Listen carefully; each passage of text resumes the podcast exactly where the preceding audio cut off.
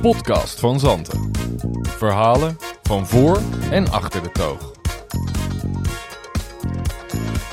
In een tijd waar de sociale onthouding hardnekkiger blijkt dan gehoopt, zijn we er weer. Direct vanuit Van Zanten Podcast Studio in Amersfoort brengen wij het sociale via de speakers bij jullie binnen. Neem een drankje, zet je volume op 10 en baan je in het café.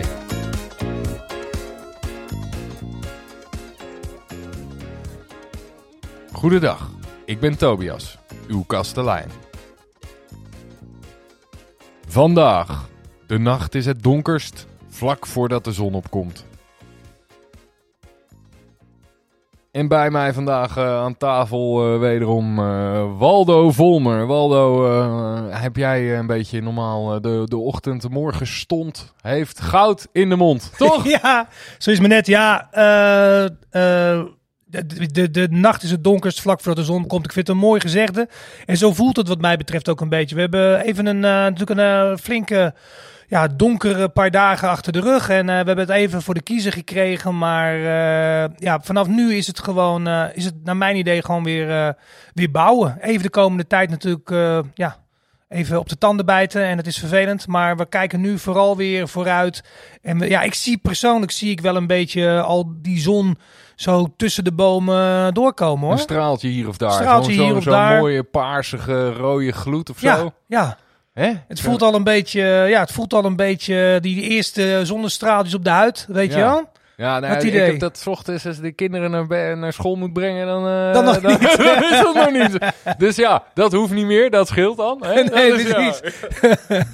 nee, die hadden gisteren uh, kerstontbijt. Dat was wel uh, super, ja. super tof. Hebben ze dat allemaal stand te P, hebben ze dat naar voren getrokken, weet je wel. Want dus al die, die, hele school in rep en roer, want dat was dan eigenlijk, is dat dan donderdag. Ja, dat is dan super belangrijk. Hè? Dus ze waren woensdag, waren ze nog, of dinsdag. Nou, in ieder geval hele kerstontbijt naar horen. Dus uh, alle, alle ouders uh, in de groeps WhatsApp. Uh, oh, ik moet nog een kerststol halen. dus als je mensen bij de, bij de, bij de winkel zag hamsteren. Ja, ja, ja, nou, dat was waren, dat het, waren kerststollen. er was nog nooit zoveel eten in groep 5a. maar nee, het was hartstikke leuk. Leuke afsluiter. En, die, en die, waar ik wel blij mee ben, is nu gewoon vakantie ook gewoon gezegd. Gewoon drie dagen vakantie erbij. Niet nu die hele, dat hele circus optuigen nee. met die thuis... Want dat, dat is natuurlijk, dan ga je alweer gewoon in een hele andere situatie. Ja. En, dan, komt, uh, dat komt gewoon na de, na de vakantie uh, aan de beurt. Ja, ja precies. Gewoon geen gelul, halve week vakantie erbij. Even allemaal normaal doen. Ja. Uh, en dan 4 januari, we, hebben, we, hebben, we hebben bespreking hoe we de, hoe we de homeschooling weer op moeten pakken. Die, die twee weken, dat we dan nog, of drie weken, dat we dan nog thuis moeten ja. doen. Ja. Maar goed, zien we eigenlijk allemaal wel wel... Uh... je bent inmiddels getraind bijna, hè? Ja, nou, ik, uh, ik deed altijd de uitjes. Dus ik ga me ook weer opwerpen als degene die, uh, die het uitje. Hè, dus, dus na de lunch, dan moeten die kinderen even uitwaaien. dat, we, dat ik dat dan weer op mag gaan pakken. En ja. de buren en, en Saar die pakken dan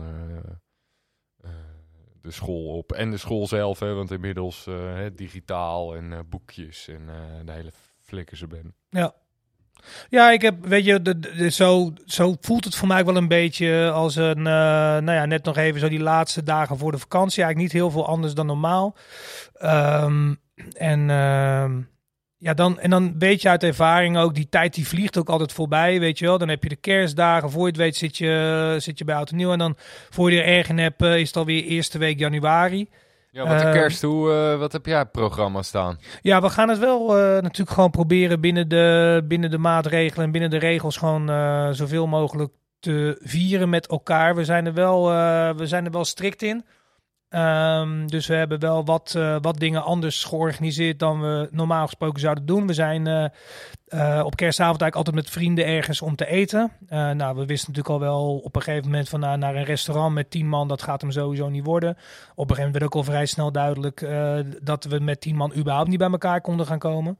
Dus we hadden al bedacht, dan gaan we dat opsplitsen. En we waren dus nog een beetje nou ja, huiverig van, nou, wat, wat mag er dan straks? Nou, met vijf mensen bij elkaar, dus drie mensen ontvangen, uh, kunnen we de groep dus in tweeën splitsen. En uh, zitten drie mensen bij, de, bij het ene gezin thuis of bij het ene stel thuis en drie mensen bij het andere stel.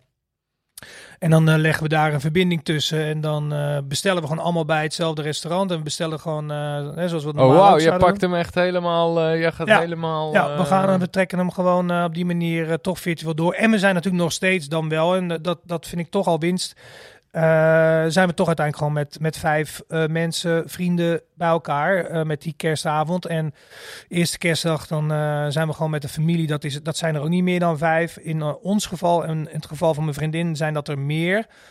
Dus daarvan hebben wij toen gezegd van nou dan blijven mijn vriendin en ik thuis en dan gaan we ook. En dat wordt eigenlijk ook weer heel leuk opgelost. Dus dat, dat, heb jij deze keer onder de coronamaatregelen weten. Ja, dus. ja, precies. nou, dat voelde natuurlijk ook, dat voelde natuurlijk ook wel een beetje dubbel. Ah, kunnen wij? Ja, nee, wij offeren ons wel op. Ja, ja, ja, ja. Nou, dat voelde ook een beetje dubbel natuurlijk. Want ik, want ik, ik heb het ook wel bijgezegd, want we hebben even met elkaar gepeld natuurlijk. We hebben ook, ook gewoon even met elkaar daarover over gesproken. En uh, ik zei van ja, voelt wel een beetje dubbel. Want ik, ja, we gaan dus wel met het. Met, ja, we zijn wel met ons voltallige gezin van, van, van, bij ons thuis. Maar wij zijn gewoon met z'n vijf, omdat mijn broer en zijn vrouw. Anders zouden we ook met zeven zijn geweest. Maar mijn broer en zijn vrouw die wonen in het buitenland. En die zijn er dit jaar niet. Um, uh, die komen heel af en toe, zijn ze ook wel in Nederland rond de kerstdagen.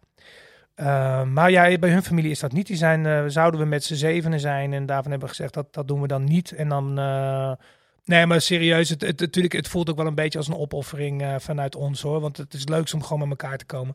Maar we kunnen goed oplossen. Ook, ook daar hadden we bedacht, we gaan, uh, iedereen maakt wat. Uh, de een doet het hoofdgerecht, de andere het dessert enzovoort. Hebben we toch gezegd, dat doen we gewoon. En dan ja, overhandigen we dat aan elkaar.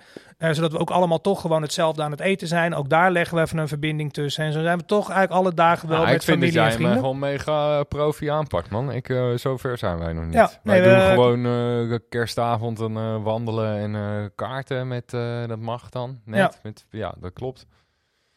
Er komen drie mensen bij ons dan. Ja, ja precies. En, en dan, ja, kerstochtend of de eerste kerstdag mijn moeder en tweede kerstdag weten we echt nog niet. Dus nee. normaal inderdaad met z'n allen bij elkaar. Uh, maar goed, ik weet het nog niet. Weet het echt nog niet. Nee, in dit geval, weet je, in dit geval was het natuurlijk ook zo dat we, dat we voor die dagen eigenlijk al gewoon een plan hadden. Uh, of we hebben um, ja, al de laatste paar jaren ook uh, het op deze manier doen. Dus het was meer, ja, hoe gaan we nou zorgen dat we die plannen toch op een of andere manier vorm kunnen geven. En mm. nou, daar kwamen we al heel snel uit. En, en oud en nieuw dan? Oud en nieuw hebben we twee, twee vrienden van ons ook. Uh, en die komen bij ons langs. Dus dan zijn we met z'n vieren bij ons thuis. En dan uh, maken we dan een gezellige avond van. We hebben hapje, drankjes, dat wat leuks op televisie. We steken thuis een sterretje af. Uit het raam gooien. Uit het raam. Ja. En, uh, Nee, ja, en, ja, en dan vermaken we ons uiteindelijk toch wel weer, weet je wel. Tenminste, ja. daar heb ik heel veel vertrouwen in, dat het uiteindelijk toch gewoon een gezellige tijd gaat mijn worden. Mijn vrouw heeft van de gelegenheid gebruik gemaakt dat ik uh, niet hoefde te werken, want dat was altijd uh, ding natuurlijk. Uh, hier de, de, de borrel, hè, die, ja. die, die, helaas niet door kan die, gaan. Die, die, ja, die madness. Ja, die, die, die, die, madness hier van 4 tot 8 overdag. Oh ja, dat is, maar, dat is ook een gemis hoor. Ja, daar ga ik wel een traantje om laten. Ja, hoor. dat denk ik ook wel. Maar mijn vrouw heeft de gelegenheid genomen om, om, um, om te piezen die, die smeert hem. Die gaat, uh, uh, die doet onderzoek naar de politie vanuit, uh, vanuit Saxion Hogeschool voor de politieacademie. En die mag meelopen met, een, met de agenten in Den Haag oh? tijdens de jaarwisseling. Oeh, jeetje. Ja, dus dat is natuurlijk gewoon, en zeker nu. Oh, in deze tijd, ja, want die krijgen een handen vol, denk ik. Ja, dat, is, dat is natuurlijk super vet. Dus nou, die, dat hoop ik vooral. Weet je, kijk, we hebben het nu natuurlijk even over onze eigen persoonlijke uh, dingen. Uh, ook heel belangrijk, maar er zijn wel dingen waar ik me natuurlijk voor en in het grotere geheel wel zorgen over maken. Uh, los van eventuele, ja, laten we zeggen, uitwassen. Hè, van mensen die misschien, of groepen mensen die het misschien toch iets anders interpreteren dan, dan wij doen. Enerzijds, maar aan de andere kant ook gewoon mensen die, die misschien sneller nu alleen komen te zitten uh, in deze periode. Hè, omdat ze minder makkelijk uh, mensen mogen of kunnen ontvangen. Uh, ik hoop dat dat, ja, dat, dat, dat allemaal een beetje ondervangen gaat worden de, op de een of andere manier. En, en ja, en oud en nieuw, dat, dat is natuurlijk ook wel, wel heel spannend. Dus of dat ik denk dat het wel meevalt. Het zal wel Met oud en nieuw bedoel je? Ja, ik denk dat het ja. wel meevalt. Ja. Ja, ik hoop het. het althans, kijk, weet je, heel eerlijk, uh, uh, de, de, de, de um, dat, dat, dat jonge mensen die, uh, die misschien toch een klein beetje gaan afsteken. Ik hoop dat daar ook weer niet al te al te zwaar op ingezet gaat worden. Maar dat, maar dat, maar dat vooral, maar dat vooral, maar dat vooral de rottigheid uitblijft, zeg maar. Hè. Dat, dat, dat, dat zou heel fijn zijn. Dat, dat hè, wat we in andere jaren ook wel hebben gezien, dat, dat weet ik veel, de hulpverleners waar nodig werk kunnen verrichten. Of nou, noem het allemaal op. Ja. Ja, ik, mensen toch dat, dat is eigenlijk wat ik denk wil zeggen. Mensen zijn misschien toch wat gefrustreerder.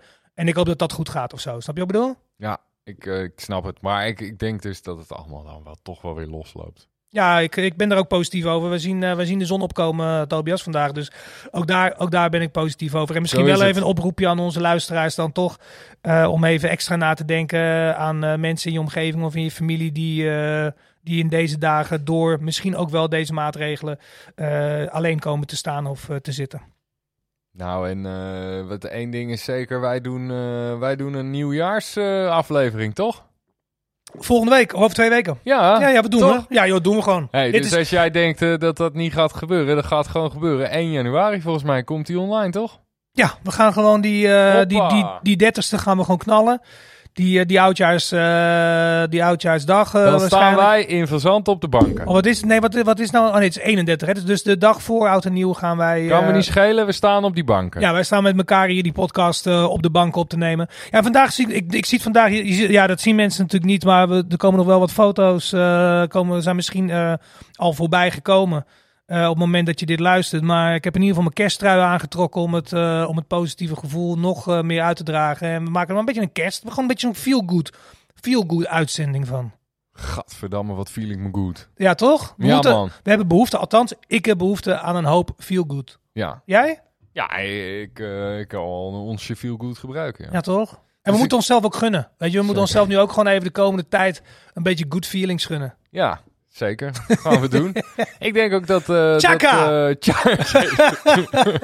ik denk dat, uh, hè, dat we gewoon uh, vooruitblikken naar de gasten. Dan is ook heel erg veel goed. Ja. Want we gaan het een beetje hebben over, over geboorte, hè, deze, deze podcast. En, ja. en, en, en in verwachting zijn. Want, want we hebben gelezen dat er een babyboom aanstaande is of al ongoing eigenlijk. Ja, voor, voor mijn gevoel is hij al, uh, zitten we er al middenin. Ja, maar, uh... ja. maar goed, uh, dus vanwege de eerste, de eerste lockdown, want dat is nou zo'n acht maanden geleden, schijnt, schijnt het aantal bevallingen in de maand december, januari stevig gegroeid te zijn. Wordt nog erger. En daarom hebben wij Sanne Bokkers uitgenodigd in de podcast. Op afstand mensen, hè, dus we bellen haar in. We bellen erin, ja. Veiligheid boven alles. En Sanne die runt samen met haar collega's de praktijk verloskundige aan de Laak in Hoevelaken. En is als deskundige betrokken bij het online platform Wij Jonge Ouders. Wij.nl, een website over zwangerschap en geboorte. En is in 2011 uitgeroepen tot verloskundige van het jaar. Zo, verloskundige van het jaar. Hoppa. Hatsa. Wij zijn, wij zijn ook, wat dat betreft in deze podcast, wij zijn ook niet te, te, te misselijk, hè? Nee, maar kosten nog moeite worden kosten nog gespaard moeite. om die gasten uh, te headhunten. Echt, hè? Ja. We, hebben, we, hebben wel het, we hebben altijd wel het neusje van de zalm. Ja, om, ja zeker. Crème de la crème. Crème de la crème. Crème de la crème. Niet de eerste, de beste. En hebben we straks Dolf ook nog. Moet je nou, Sanne, wat leuk dat je in de aflevering bent. Hoe is het, uh, hoe is het met jou? Gaat goed hoor. Ja, heel goed. Ik hoef hier zonder, kan ik zonder mondkapje zitten, dus dat maakt het leven wat fijner. ja, en een wijntje erbij, want dat kan je ook niet met mondkapje drinken. Nee, precies. Nee, en ook niet als ik aan het werk ben, dus dat, uh, hè? dat is altijd lekker. Ja. dat doen wij zelfs niet in ons beroep, moet je nagaan. Dat zou ik als verloskundige zou ik dat inderdaad heel gek vinden. zou heel bijzonder zijn, hè? Ja, precies. Ja. Want uh, eerst even een kortere biografie. Je hebt van uh, eh, 2002 tot 6 verloskunde gestudeerd. En uh, vanaf 8, 2008 ben je al werkzaam in de praktijk. Wat heeft je getrokken aan dit werk? Ja, dat klopt inderdaad. Um, nou, het was voor mij um, vooral het, het, medische stukje wat, wat, heel, wat ik heel interessant vind. Is alles natuurlijk hè, te weten krijgen over het menselijk lichaam hoe dat werkt. En dan het gezonde stuk daarvan, en dat is natuurlijk de verloskunde. Uh, dus met mensen werken vind ik leuk. En toen nou, kwam ik bij de verloskunde academie terecht.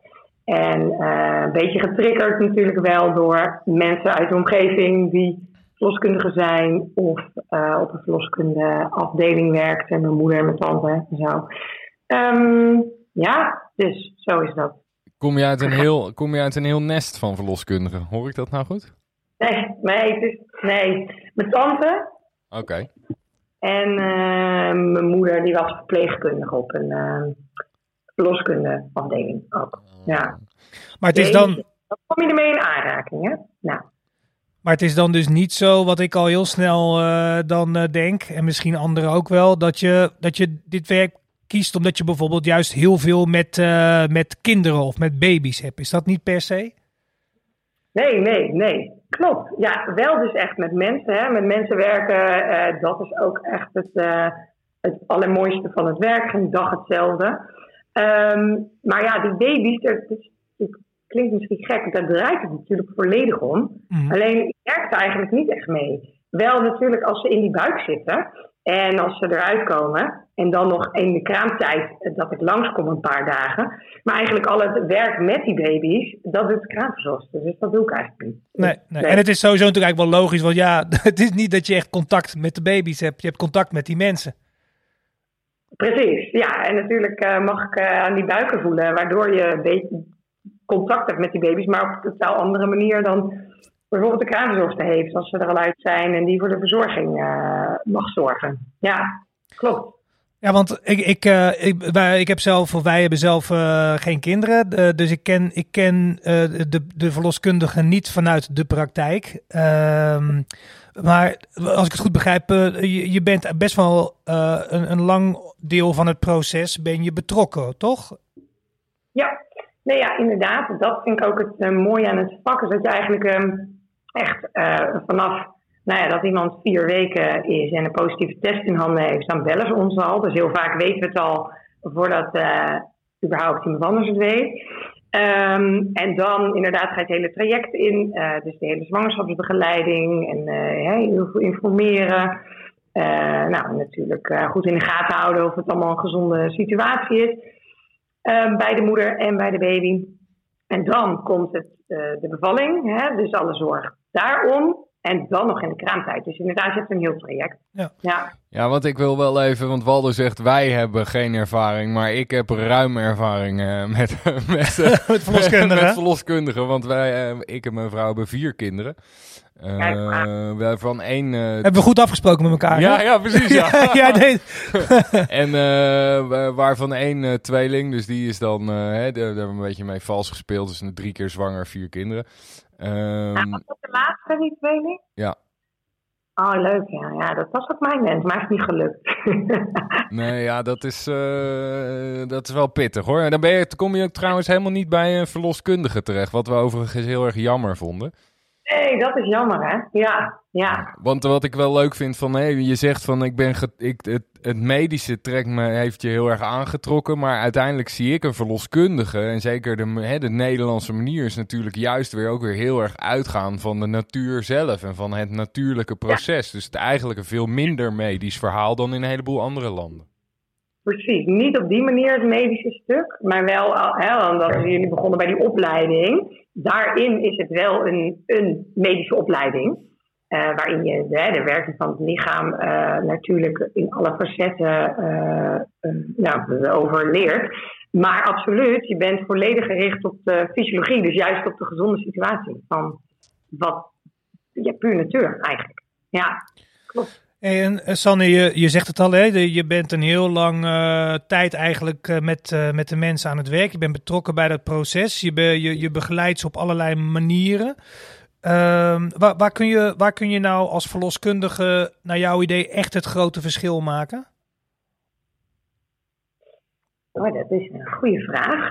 Um, ja, ik denk dat dat, dat heel veel verschillende kanten is. Maar wat ik eigenlijk wel echt een van de belangrijke dingen vind, is dat je uh, de mensen leert kennen tijdens een traject. Je kijkt naast natuurlijk het hele inderdaad medische stukje, dat je kijkt van hé, hey, is het een normale gezonde zwangerschap? En uh, alles wat daarbij komt kijken. Is het vooral het stukje hè, vertrouwen uh, creëren met, met de cliënt. Um, en ook beetje de, de mensen leren kennen en hun wensen leren kennen. En daar dan ook, ook op kunnen inspelen tijdens een bevalling. Waardoor je dat eigenlijk bij, bij kan helpen om dat een zo mooi mogelijke ervaring en proces te laten zijn. Ja, maar, en, maar en ergens uh, excelleer jij dan ook? Want, want we, we noemden het net even in de intro. Uh, in 2011 werd je verloskundige van het jaar. Dus hoe, hoe word je dat dan? Wat, wat, wat maakt je dan verloskundige van het jaar? Ja, grappig. Hè? Ja, dat, was, uh, dat is een verkiezing van de Wij Jonge Ouders. Dat is een tijdschrift. Mm -hmm. En daar kan je je verloskundige voor nomineren. Nou ja, toen was ik dus de uh, wat vaker genomineerd, waardoor ik werd benaderd. En dan waren dan de, de, vier die het meest genomineerd waren, daar kon dan op gestemd worden. Uh, ja, waardoor werd ik dat? Ja, dat is een goede vraag. Hè? Dan moeten we ook een beetje aan de cliënten vragen. Ja, ja ik denk ook heel erg dat het wel ook een eer is voor de hele praktijk natuurlijk. Hè? Want het is, zit er niet alleen, maar er zijn ook alle collega's die daar net zo goed uh, aan bijdragen. Want met hoeveel, hoeveel collega's zit je daar, Sanne? Sorry? Inmiddels uh, hebben we een maatschap van vier verloskundigen. Ja, en, en, we hebben een assistent. Die moet je ook absoluut niet vergeten. Want het is wel zo dat zo'n verloskundige praktijk is best wel gewoon uh, voor, voor, dat, voor die regio en zo. Het zijn echt bedrijven, toch ook? Een beetje je eigen. Je hebt echt je eigen regio, je eigen postcodes, bij wijze van spreken? Of? Nee, ja, het is niet ingedeeld in postcodes. Dus ik zou bevallingen in Groningen mogen doen, zeg maar. Je mag geen gebiedsafspraken maken.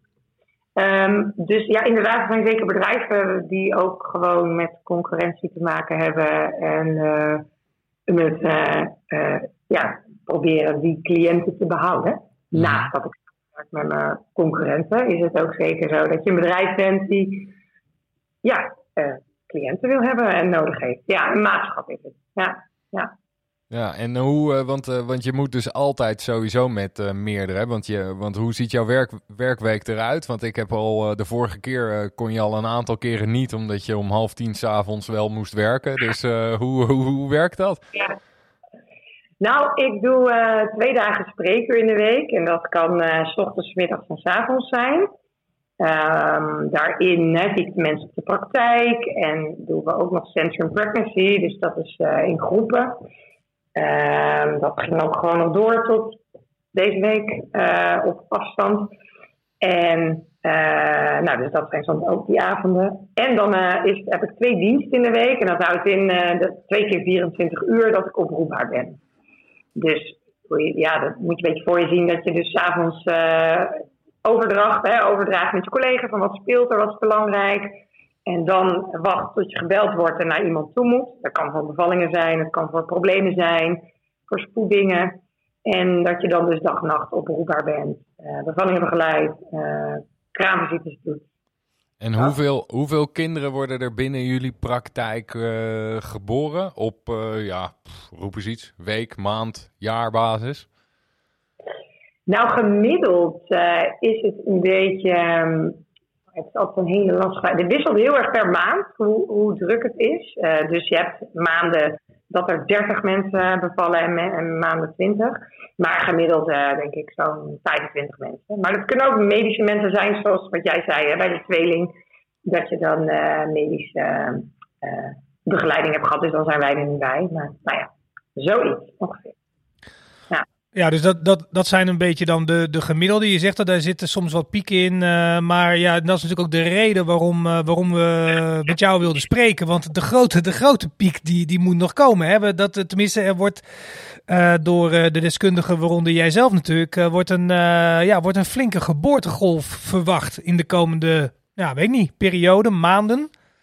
Ja, ja, ja, het blijft een discussie. De beroepsgroep zegt dat het landelijk niet zo is. Maar er zijn inderdaad wel uh, geluiden dat er, uh, ja, dat er meer baby's geboren gaan worden. En uh, ja, we zien wij in de praktijk, we zien het wel wat. Maar niet al nu in december bijvoorbeeld. want er werd ook wel over gesproken. Het was vanaf maart, nou dan zou het kunnen dat. Eh, maar we zien wel wat meer uh, inschrijvingen. Ehm, maar het, ja, het, het, ligt er heel erg aan hoe het gaat verlopen. We hebben wel mensen gehoord die zeiden, nou, ik heb juist even gewacht, want ja, met het hele gebeuren doe maar niet. Um, en mensen die zeiden, ja, oh ja, dit was even een beetje sneller dan we dachten. Dus ja, ik geloof, geloof dat het wel al dat thuiswerken wel invloed kan hebben. Ja. maar, dus, maar, ja, maar eigenlijk zeg jij dus, als ik je goed hoor, zeg je uh, die, die, uh, nou, die grote golf, zullen we maar even zeggen, uh, waar, waar sommigen het over hebben, dat, dat, dat, nou ja, dat relativeer jij een beetje. Zeg, dat zien wij bij ons in de praktijk. En je, je gaf net zelf aan, jullie komen al best wel vroeg in het traject, haken jullie aan. Dus, dus hè, als er sprake zou zijn van een golf in de komende paar maanden, hadden jullie dat al waar kunnen nemen, toch? Dus jij zegt dat valt, dat valt wel iets mee misschien. Ja, we hebben wel, we hebben wel wat meer inschrijvingen, zeker wel. Um, maar het is ook één praktijk. Wij zijn, wij zijn helemaal geen hele grote praktijk. Is dat ook best lastig te zeggen. Uh, dus ik ben benieuwd. Ik denk iets, maar. Uh, Jullie kunnen het wel aan. Ja, precies. Het is niet dat wij denken, oh, we moeten heel snel vijven. Nee, zeker niet. We hoeven niet, we hoeven niet uh, met z'n allen zeg maar, een omgekeerde lockdown in om uh, zeg maar, de lock, de lock uh, wat is het? lock-up. Een lock-up om ervoor te zorgen dat de kraam. ja, dat de verloskundigen en de kraamafdelingen niet overspoeld worden. Nee, nee, nee dat, dat, ik denk het niet. Dat ik, niet ik zie al een krantenkop voor me. Personeel van Fazant gaat de verloskundige praktijk ondersteunen. Ja, met koken. Ja. ja. Nee, dat is ook wel grappig, want uh, jij zei net, uh, we worden altijd als eerste, hè, je weet als eerste vaak weet je dan dat, uh, dat mensen zwanger zijn. Maar weet je wie daar ook een neusje voor hebben? Barkeepers. Ja, dat geloof ik, ja. ja. Ik heb... maar alcoholvrij bier. Ja, ja, ja. ik heb ze echt. Ik ben in de loop van de jaren hier ben ik uh, en betrokken geweest bij het uh, stilhouden van, hè, bij bijvoorbeeld een vriendin die altijd wel een, uh, een, een, biertje nam, waar het ook echt wel op zou vallen. En dan wilde niet dat de collega's het wisten, dus die ging, ging ik dan onder de toog zo een, een alcoholvrij biertje geven, weet je wel. Ja, ja. Maar ik heb ook wel eens tegen, tegen vrienden van mij gezegd. En ik, ik kwam aanlopen en ik zag ze. En ik zag haar met een, uh, met een colaatje of weet ik veel wat. En, en ik zei gewoon het eerste wat ik zei. Zo van nou, uh, wanneer is dat dan? April of zo? en echt joh, nou. Ze, ze echt ze werden helemaal like blank. Ze hadden het echt net, uh, net getest. Dus ja, dat was echt superleuk. Lachen, ja, maar dat heb je wel. Ja, dan zit een complot voor mensen. Ja, nou dat is altijd. Ik vind het altijd heel. Het is een heel. Uh, het is heel, heel veel eer om in een complot te zitten. In zo'n complot vind ik altijd. Ja, precies. Ja, zeker. Hey, en uh, en uh, de, de, we hebben het nu even over de, de afgelopen periode. Uh, uh, natuurlijk de, de, de, de coronaperiode waar we in zitten. En dat dat wellicht ook een, nou, een, gevolg heeft voor de geboortes. Maar hoe zit dat met jullie werk? Ik las, ik las, ik was even op de website wezen kijken, wij.nl, van Wij Jonge Ouders. Dus daar was ook een, een, een, volgens mij een vraag en antwoord van jou over of mensen meer risico lopen in deze periode. Dat, daarvan gaf je geloof ik aan dat dat niet het geval was. Maar is voor jullie het werk anders, moeilijker, misschien risicovoller geworden?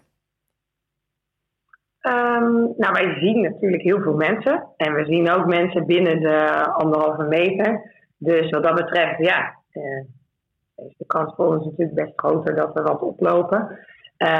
dus is het werk anders geworden? ja. En dat heeft vooral te maken met die mondkapjes, alles op afstand. Nu is het sinds deze week weer partners alleen mee bij de echo's. Dat is aan het begin helemaal niet geweest. Dat was echt heel naar, want dan maak je ook nare situaties mee zonder de partner erbij. Nou ja, dat maakt het nog vervelender. Mm. Um, bij de echo's en de consult is nu nog steeds zonder partner, zonder kinderen. Gewoon niet voelt echt zo niet gasvrij en niet zoals we eigenlijk willen werken. Van joh, leuk en de kinderen erbij betrekken. En natuurlijk, je doet dat niet als vrouw alleen. Die partner heb je ook nodig. En, uh, dus dat is echt heel anders. Uh, bij bevallingen merk je het eigenlijk het minst. Behalve dat mondkapje, dus dat is heel fijn.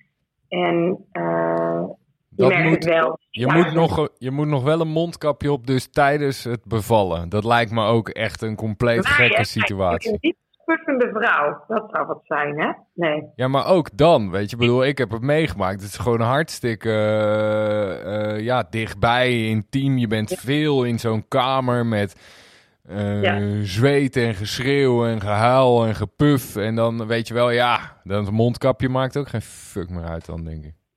Ja, nee, precies. Dat is een goede discussie. Ja, precies. Dat weet ik ook niet. ja. Het, ehm, je doet het maar, uh, maar je weet niet of het, uh, hoeveel het uitmaakt. Nee. nee, en het is ook lastig hoor, want ik heb ook wel gehad dat ik hardtonen luisterde en dat ik glimlachte naar die partner van joh, weet je, dit is goed. Maar dat zag hij natuurlijk niet. Maar dat dacht ik heel Hij keek zo een beetje paniekerig, dit is toch goed? Ik zei, oh ja, sorry, ik lachte, maar je zag het niet. Dus ja, dat is gek communiceren. Dus je hebt, dus je hebt wel wat nieuwe, wat nieuwe nou ja, doventolk uh, skills erbij geleerd. Ja, ja, precies. Als ik meepuf, dan beweeg ik mijn hoofd mee. Ja, ja, ja, ja, precies. Aan mijn mond. Duimpjes omhoog. Ja. ja. Nou, ik weet nog dat, uh, dat onze verloskundige uh, die, uh, die echo deed. En dat, dat gewoon, dat was dus de derde keer dat we daar lagen. En die, dat, dat ding ging op die buik. En waren al, er was helemaal geen lachje. Iedereen was doodstil. Echt doodstil. En we zagen het alle drie tegelijk. Gewoon twee zo. Echt zo heel duidelijk. En die, en die verloskundige die begon echt zo van... Ja, dit is er één, en wij hadden het allebei gewoon. Iedereen in de zaal had het door. In de zaal ook? Ja, ja, het was echt zo. Je kon een speld horen het was vallen. In een, jullie, het was in een theater? Of, uh, echt, dat wat... Oh, zo voelden het wel. Oh. En toen, uh, nou ja, het was echt uh, ja, een achtbaan. Ja, maar die reacties ook altijd als je een tweeling ziet, die zijn zo bizar. Zo van, oh ja, lachen, maar eigenlijk willen huilen, maar toch, ja, dat je merkt, oh dan weten mensen vaak heel vaak even niet wat ze ermee moeten nemen. Hey, en hoeveel uh, thuisbevallingen uh, doe jij nu? Doe je de meeste thuisbevallingen of gaan de meeste mensen naar het ziekenhuis? Hoe ligt die, uh, die verhouding een beetje? Ja, bij ons ligt echt het, het percentage thuisbevallingen heel hoog. Ehm, ja, ik, ik, dit jaar weet ik nog niet precies, maar vorig jaar zo'n 70 procent. Wat bizar is, want landelijk is het 13. 13? 13 procent thuis. Ja, ja. Dus dat is uh, echt een gek verschil eigenlijk. Hè? Doe je het uh, heel erg goed, want dan, dan is, komt dat dan door het vertrouwen wat jullie mensen geven? Tenminste, dat. dat... Ja, uh, ja, je merkt, je hoort wel van mensen van, joh, nee, aan het begin, nee, zeker weten wil ik uh, polyklinisch hè, in het ziekenhuis. En dan uh, is het helemaal goed, hè, het, maakt, het maakt ons niet uit. Maar dan gedurende zo'n traject merk je dat mensen meer erover horen, meer informatie krijgen, meer betrokken worden. En dat ze dan zeggen, oh ja, nou goed, geef vertrouwen, vertrouwen in ons. En dan, ja, dan liggen de beslissingen soms anders, ja. ja. Want, want ik, ik, ik, als leek, ik begrijp dus dat dat wel hetgeen is waar jullie, uh, nou niet per se op sturen, maar wel, maar wel wat voor jullie, vanuit jullie perspectief gezien, een ideale omstandigheid is om dat thuis te doen. Begrijp ik dat goed? Uh, in principe, hè? Het is wel echt een keuze. Dus je hebt echt in Nederland een keuze. Um, wat op zich een, een uh, je hebt een keuze mits je het geld hebt, want je hebt er wel een eigen bijdrage aan uh, van zo'n 500 euro ligt in je verzekering, dus dat is een nadeel. Maar in principe heb je een keuze thuis, ziekenhuis. Het is voor ons allebei oké, want wij doen ook die ziekenhuisbevallingen bij de niet-medische mensen gewoon. Um, dus mensen kunnen echt kiezen en wij sturen erop aan dat mensen een keuze moeten maken wat voor hen het beste voelt. Want dan beval je het best. Dus wij gaan mee naar het ziekenhuis als mensen dat willen. En we gaan met ze thuis. We blijven thuis als ze dat fijner vinden. Dus het is voor ons allebei echt oké. Ja, en die, En, en die manier van bevallen is, voor, is volgens mij ook nog voor een deel uh, ook nog wel ja, een soort van tijdgebonden of misschien zelfs wel trendgebonden. De, er, is voor, zijn volgens mij wel perioden geweest waarbij bepaalde type bevallingen in één keer heel erg uh, in zwang waren. Uh, wat is nu? Zie, ja, zie dat nu? Is, ja, precies. Zie dat nu ook? Is er nu iets wat, wat, waarvan je heel duidelijk ziet, ja, dat is een soort van nieuwe trend waar, waar ouders of toekomstige ouders uh, heel erg veel waarde aan nee, Nou, ja, nou het is op het uh, Nederlands erfgoed gezet, hè, de thuisbevalling. Dus dat het eigenlijk een hele oude traditie is, oh, ja.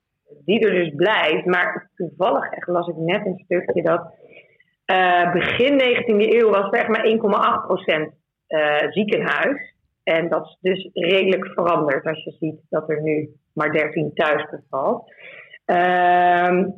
Maar nu, echt, als we het nu over de coronatijd hebben, dan merk je dat mensen wel over nadenken en liever uit het ziekenhuis wegblijven. Dat dat wel gebeurt. Dus dat er wel mensen zijn die voor thuis kiezen omdat ze niet nu in een ziekenhuis willen zijn. Ja, maar geen dingen als uh, onderwaterbevallingen of zo. Die, dat er nu een soort van nieuw ding is waarvan mensen zeggen: ja, dat moet je doen, want dat is geweldig. Uh... Wat Waldo wil weten of je ooit een keer met een duikpak een, een kind, een kind hebt gehaald. Dat niet, maar zeker, zeker. Badbevallingen hoor. Ja, half bij ingevallen, alles. Ja. Oh ja. Dus badbevallingen is dat, ja, dat is wel iets wat je nu uh, geregeld merkt. Maar niet echt sinds de, de, laatste jaren of zo. Dat loopt al wel een tijdje. Ja, ja. Hey, en en uh, wat ik zelf nog, uh, uh, kraamklinieken. Ik, ik, ik herinner mij dat, dat, dat wij, ehm, ikzelf en mijn, mijn broeders, zijn als het goed is in de kraamkliniek geboren. Daar ging mijn moeder dan naartoe. Bestaat, bestaat dat fenomeen eigenlijk nog? Of, Nee, nee. Je had echt wel kraamklinieken buiten het ziekenhuis. En nu, ja, dat kan je denk ik het meest vergelijken met een geboortehuis. Dat is er wel. Dat is eigenlijk een stukje in het ziekenhuis vaak, eigenlijk altijd, waar je uh, kan bevallen met je verloskundige. Dus oh, ja. dat is eigenlijk een soort, uh, ja, dus verplaatste thuisbevalling. Dus ja. je huurt een kamer in dat ziekenhuis, wat net wat huiselijker is dan een ziekenhuiskamer. Hm. Ja, en die heb je wel, geboortehuis. Ja, ja. Ja, ik vond het. Uh, ik heb, uh, wij hebben nooit de thuisbevalling gehad. Het is echt heel erg jammer. Maar dat, of het mocht niet, want we woonden weer ergens bovenaf, uh, vier hoog. En dan weet je wel, dus dat soort dingen was het allemaal. Maar wel echt heel jammer, want uh, ik had het graag. Uh, ik had het eigenlijk hadden we het allebei liever thuis gedaan. En wij stonden ook elke keer na de bevalling, om zeggen, drie uur daarna stond ik al met de tassen van nou, en nu gaan we naar huis. En dat was echt, als je dan dus met een verloskundige bent in het ziekenhuis dan, zijn, dan is dat ook wat minder regeltjes. En wat, weet je wel, als het dan gewoon goed gaat, dan gaat het goed en dan mag je weg. Terwijl als het medisch is, ja, dan moet je zelfs, ja. Maar als het... Met drie eigenlijk weg ja. ja. Als, het, als het medisch is, jongen, dan, dan is het echt, hè, dan moet eerst die ronde geweest zijn en dan die ronde. En als er dan uh, 0,1 graden afwijkt, dan uh, moet er eerst weer een arts naar kijken. En dan kom je echt nooit dat, uh, dat ziekenhuis meer uit. Maar goed. Uh, ik had nog één ding in, de, in het nieuws ook laatst. De rol van de doula. Hè? De, de, hoe, hoe kijken jullie daar tegenaan? Ik hoorde dat er een... een over trends gesproken. Over ja. trends, een, een, een, strijd gaande. Ja, hè? ja, dat is best jammer eigenlijk dat het op die manier in de media kwam. Want kijk, wat een doula doet, die geeft eigenlijk gewoon continu uh, begeleiding. En dat begint dan al in de zwangerschap. En dat is dan puur, hè, vooral gebaseerd op die bevalling. Van wat zijn je wensen, wat wil je enzovoort. En die is er dan ook tijdens die bevalling. En die kan je dan, vanaf het allereerste krampje bellen. En die blijft dan de hele tijd bij. Um, ja, en ergens is, voelt het soms als dat zij ons werk uit handen nemen. Want dan denk ik, ja, ik, ik ben er niet alleen om een baby aan te pakken. Maar ik ben er ook voor een stuk begeleiding. En dat doen zij dan natuurlijk ook een deel. Maar de andere kant is dat ik me heel goed kan voorstellen dat, er, dat je dan weet, oké, zij is er sowieso. Hè. Bij ons is het de vraag wie van de vier komt er. En zij weten dan, nou, zij is er sowieso. Eh, we hebben dat hele traject meer doorgesproken. Daar is meer tijd voor. Een soort halve zwangerschapscursus wat er dan bij in zit vaak. Dus ik denk, ja, het kan ook meerwaarde zijn voor de mensen die daar behoefte aan hebben. Maar het kan ook weer een nadeel zijn doordat uh, er dan weer een extra persoon aanwezig is, uh, wat niet altijd als prettig wordt ervaren. Um, maar ik vind, ja, het voelt voor mij absoluut niet als strijd. En ik hoop dat het alleen maar een aanvulling kan zijn op onze zorg. En dat de mensen ervoor kunnen kiezen. Uh, die daar een goed gevoel bij hebben. Wij hebben bij elke, elke bevalling hebben we een uh, vriendin uh, erbij gehad, zou maar zeggen, voor, voor de, de, tijdens de hele bevalling. Dus dat is dan een soort van doula-rol, maar dan... Hij was een douche. was een ja, douche. Een douche. Een douche. geen doula. en, dat, uh, en dat was heel goed bevallen. En uh, ja, over veel mensen in de, in de kamer. Als je dus een tweeling uh, bevalling, dat is echt niet normaal. Dan staat er gewoon, uh, dan sta je gewoon, nou dat kan je in coronatijd niet meer voorstellen. Maar dan staat de hele kamer staat vol. Ja. Dus dan heb je gewoon, ja. Ja, no. Twee verpleging, twee artsen en de gynaecoloog. Nou, dan ben je daar zelf nog bij als stel. En dan nog een vriendin. Dus wij stonden daar gewoon, de, de deur kon niet meer dicht, zou ik maar zeggen. Dat was echt een, ja, ja superleuk. Ja, de, dat bleek, dat was dus een, uh, een, uh, Een drukte van je welste. En een uh, gezellige, gezellige bevalling ook dan. Zoveel mensen hebben we in Verzand al een hele tijd niet meer gehad. Nee, nee precies. nee, ja, dus uh, volgens mij, uh, ja, dat, ik hoop dat dat sneller mag. Ja, het, het verlos, uh, dat, je, dat je weer in de, in de verloskamer staat met, uh, met, met tien man. Nou nee, dat we weer in de kroeg staan met tien man lijkt me okay, leuk. Nou, nou, jongens, wij, uh, wij gaan eens even kijken wat er nog meer in de wereld gebeurt. We gaan over naar ons volgende item. En dat is natuurlijk de, de waan van de dag.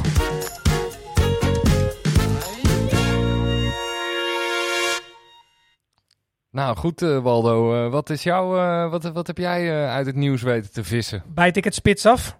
Ja, ja ik, we hebben gezegd, we, we maken er een feel-good uitzending van. Dus, dus, en ik dacht, nou, in het kader van geboorte en goed nieuws. ja, het leek me leuk om toch eventjes...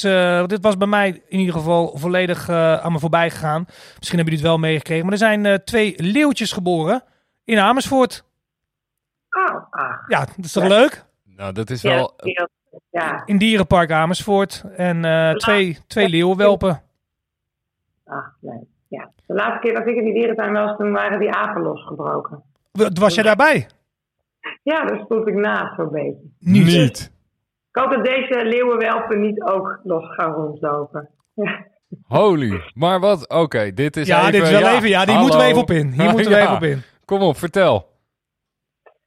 Nou ja, ik liep daar in, de, in die dierentuin met mijn uh, jongste van twee. En uh, de buurvrouw met een kleintje van twee en een kinderwagen en dat soort fratsen. En toen dacht ik, wat een lawaai maken die beesten, wat gek. Nou kom, we gaan naar de trein. En toen dacht ik, nou wat zie ik daar? Toen kwamen die apen daar opeens aan. Je hebt ze echt zien lopen? ja, precies. Zo. En toen uh, dacht ik, nou, dus wij, nou, ik heb zelfs nog even geremd. En um, toen dacht ik, ja, oké, okay, ja, apen. Oké, even het hoekje om. Ik tegen had mensen gezegd, joh, ik zou even doorlopen, want uh, zitten apen, zijn los. Maar ik, ik, was dus super relaxed, maar ik was me misschien ook niet helemaal uh, bewust van het feit dat dat dus, hoe noemen ze dat nou in die dieren, categorie 1 dieren zijn, dat die net zo gevaarlijk zijn als zo'n leeuw dus. Um, dus uh, ja, toen, ja, dat was denk ik, ik denk dat het 10 meter was of zo, 20 meter. Bij me vandaan liepen ze weer langs. Zo. Ja, dus toen heb ik nog even een uurtje in het uh, olifantenverblijf bij de olifantendrollen gezeten. En toen waren ze ja, neergeschoten dus. Dus toen mochten we weer los. dus ik zei, oh ja, de enige die opgesloten zitten, dat zijn die mensen. Dat zijn de mensen nu, ja. En hoe heb jij dat uh, pedagogisch opgelost met je kinderen? Ja, die hadden echt helemaal niks door. Uh, en wij we zijn daar gewoon uh, een beetje in dat verblijf gaan uh, mandarijnen eten en dansen en weet ik het wat. En zoals die geweerschoten en zo, ja, weet je, die hoort wel vaker een knal. Dus niemand die dat echt. Ja, die kinderen hebben dat niet door. Dus nee. En er was ook geen gespannen, niet, niet een hele gespannen sfeer. Er was, dus geen, was geen paniek. Er was echt geen paniek. Nee, best bizar eigenlijk. Ja. Maar wel, ja, weet je, één vrouw was het kind soort kwijt. Dus die, nou ja, natuurlijk had hij echt wel even. Ja. En um, ja, dus zo wel, weet je, het was wel een stukje spanning of zo. En dat voelen kinderen natuurlijk. Maar verder. Uh, Deze waan van de dag uh, kan ik moeilijk uh, overtreffen. Ja, dit, is, dit, dit, dit, we gingen van een, van een vrij onschuldige waan naar een, naar een hele spannende, inderdaad. Nou, ik heb zelf, ik heb zelf dus een aantal jaren in de heel lang geleden, een aantal jaren in de dierentuin gewerkt. En uh, als, uh, als... We leren allemaal ja, nieuwe dingen hier, hè? We leren allemaal... ja, ik was, ik, ik, ik, ik, dat, dat heette dan de facilitaire dienst. Dat kwam er eigenlijk op neer dat ik, zo, ja, ik loop, ik liep dan bijvoorbeeld door het park met zo'n met zo'n prikketje. En dan het vuil opbraben en de, de, de gebouwen schoonspuiten, ontgroenen en bladblazen. En gewoon zorgen dat het park er netjes, er netjes bij lag. Picobellen. En, ja, Picobellen. Dan had je natuurlijk wel, natuurlijk, ja, ik kwam natuurlijk wel ook in contact met, met, met de dierenverzorgers. En uh, af en toe kon je ook wel eens uh, wat leuks meemaken op het gebied van, uh, van de dieren. Maar ja, die over dan, hè, want je zei net even, ja, je, je realiseert je misschien niet meteen wat, wat de dreiging is. Maar hè, dat, dat, dat is bij leeuwen een stuk, soort van stuk, stuk duidelijker. Maar ja, die, die, die, die, die chimps, dat zijn, dat zijn in potentie echt ja, berensterke en dus ook levensgevaarlijke dieren hoor. Die, die, die breek je met gemak door midden. Nou, precies. Ik ben wel eens door een aap aangevallen, half op Bali. Maar dat was dan echt een klein aapje in vergelijking met dit soort fratsen. Toen kon ik nog naar binnen rennen.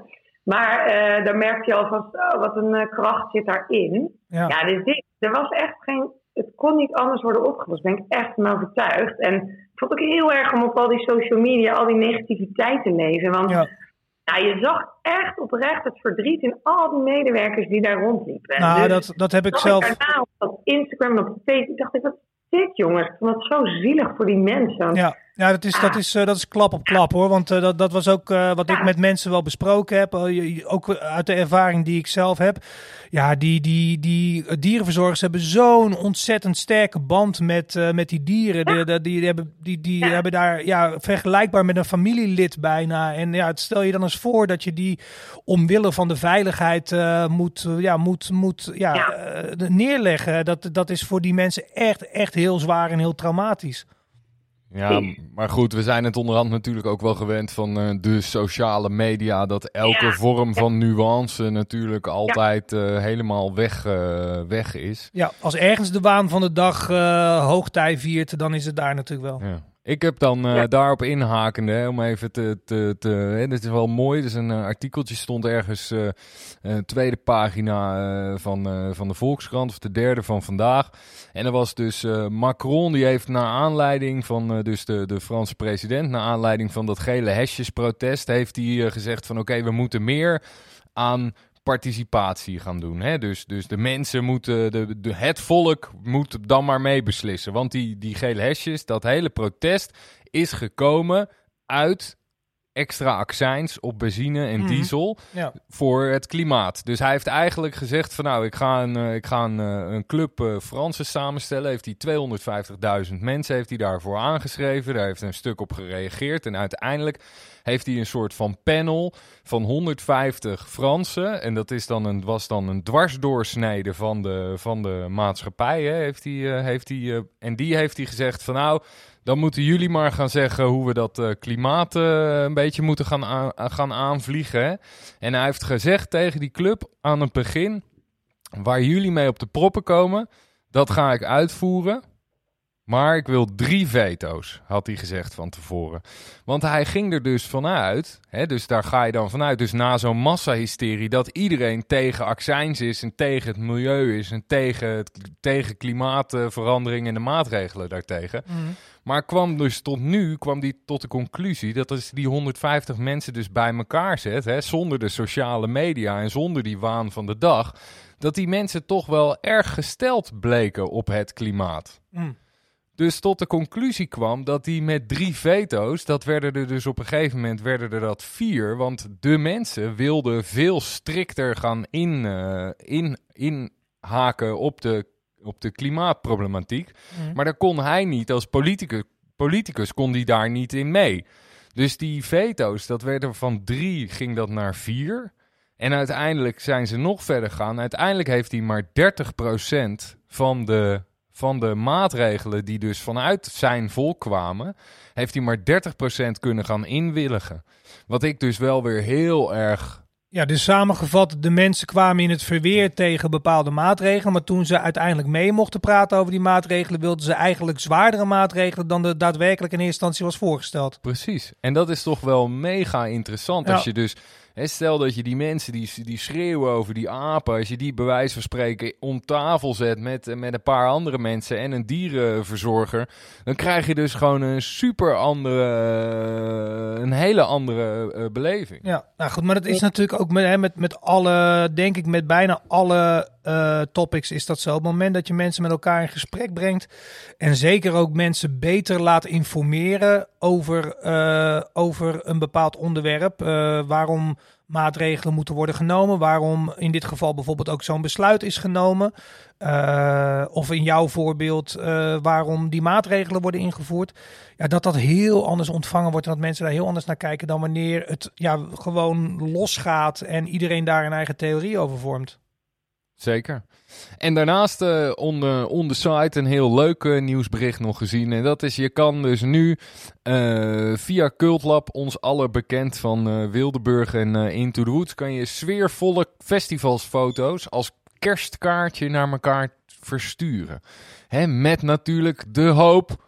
En ik, zal het, ik, ga het, ik ga het hier gewoon droppen. We hopen gewoon Wildeburg is in juli Ah, dat moet toch kunnen? Ja, dat we dan weer uh, erbij in kunnen. Ja, en als we, dan, uh, als we dat allemaal hopen, dan kan je die hoop bevestigen. Sorry Sanne, wat zei je? Met z'n allen in een tent boven op elkaar. Heerlijk. Stapelen. mooi. Ja. En heb jij nog iets leuks gezien in het nieuws? Uh, nou, ik wilde eerst, ik wou wel even, Sanne, Sanne. Oh, sorry. Sorry dat ik, even, dat ik nog even onderbreek, maar ik ben even benieuwd omdat jij hier ook op aanhaakt. Ben jij, ben jij zelf een beetje een festivalganger? Nou ja, eerlijk, uh, uh, ja, maar uh, ik vind het heel tof, maar het komt er eigenlijk te weinig van. Oh ja. Herkenbaar? Nou, nee, voor mij niet, want ik, want ik werk in die sector. Dus ik, ik, ben, uh, ik ben in die zin uh, ben ik bevoorrecht. Ja, nu even niet natuurlijk, maar uh, onder normale omstandigheden ben ik bevoorrecht dat ik voor mijn werk. en ja, voor jou zal waarschijnlijk het werk een van de belemmeringen zijn om dat soort dingen te doen. En voor mij is het juist mijn werk om daarbij aanwezig te zijn. Dus, dus nee, voor mij geldt dat dan in dit geval niet. Maar... Voor mij wel. Ja. ja. Ik, uh, ik, uh, ik vind het altijd, uh, je moet er toch een bijna, hè, je moet er veel vrij voor nemen, lang vrij voor nemen. Ja, als je ja, daar werkt, dan hoeft dat niet. Werkt, moet je de hele, ja, precies. Ja. En heb jij nog wat gezien in het nieuws? Ja, want ik wilde even wel, jij had het net over de klimaatdingen, want er zijn dus mensen geweest op de A50 die dachten, ja, we vinden dat klimaat heel belangrijk, wij gaan met de koets over de snelweg. Heb je dat meegekregen? Nee. Nee. Ja, um, er is een koets gevonden in de berm van de A50. Nou, ja, jullie zeiden zoek eens opmerkelijk nieuws. Nou, dat vind ik opmerkelijk. Dat is het zeker. niks honderd rijden. Nee, we gaan met de koets en paarden. Maar die paarden waren er niet. Dus dat vind ik dan ook weer opvallend. Hoe zijn die dan weg? Hoe komt die koets daar? Maar het is wel beter voor het milieu. En was het, maar was het niet uh, toevallig een, uh, een protestactie uh, dat ze de gouden koets hebben gestolen en die hebben gedumpt in de bosjes langs de A50? Ja, ja, op het fotootje van Rijkswaterstaat ziet u er niet echt als de gouden Oké, nee, dat dan niet. ja, misschien uh, met de boerenprotesten, dat ze die dingen, ja, ja, ik weet het niet. Maar... Um, met een koets op de A50. Ja. Ja, uh, het is niet duidelijk. Medewerkers uh, van Rijkswaterstaat hebben hem weggehaald. Deze koets, koets moest worden verwijderd. En daarvoor haalden wij toch echt de beste paarden van stal. oh, hey, goed gedaan. Man, man, man, man. Er is een journalist helemaal, ja, die is helemaal losgegaan. Ja. Het kan ook nog zitten. Nee, misschien, is, misschien, is het wel, uh, misschien is het wel een uh, verstopte praalwagen van een uh, carnavalsvereniging die clandestien toch nog een, een optocht wilde houden.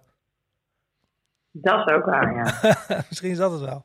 Maar A50 Hoenderlo is niet heel erg carnavalgebied, hè?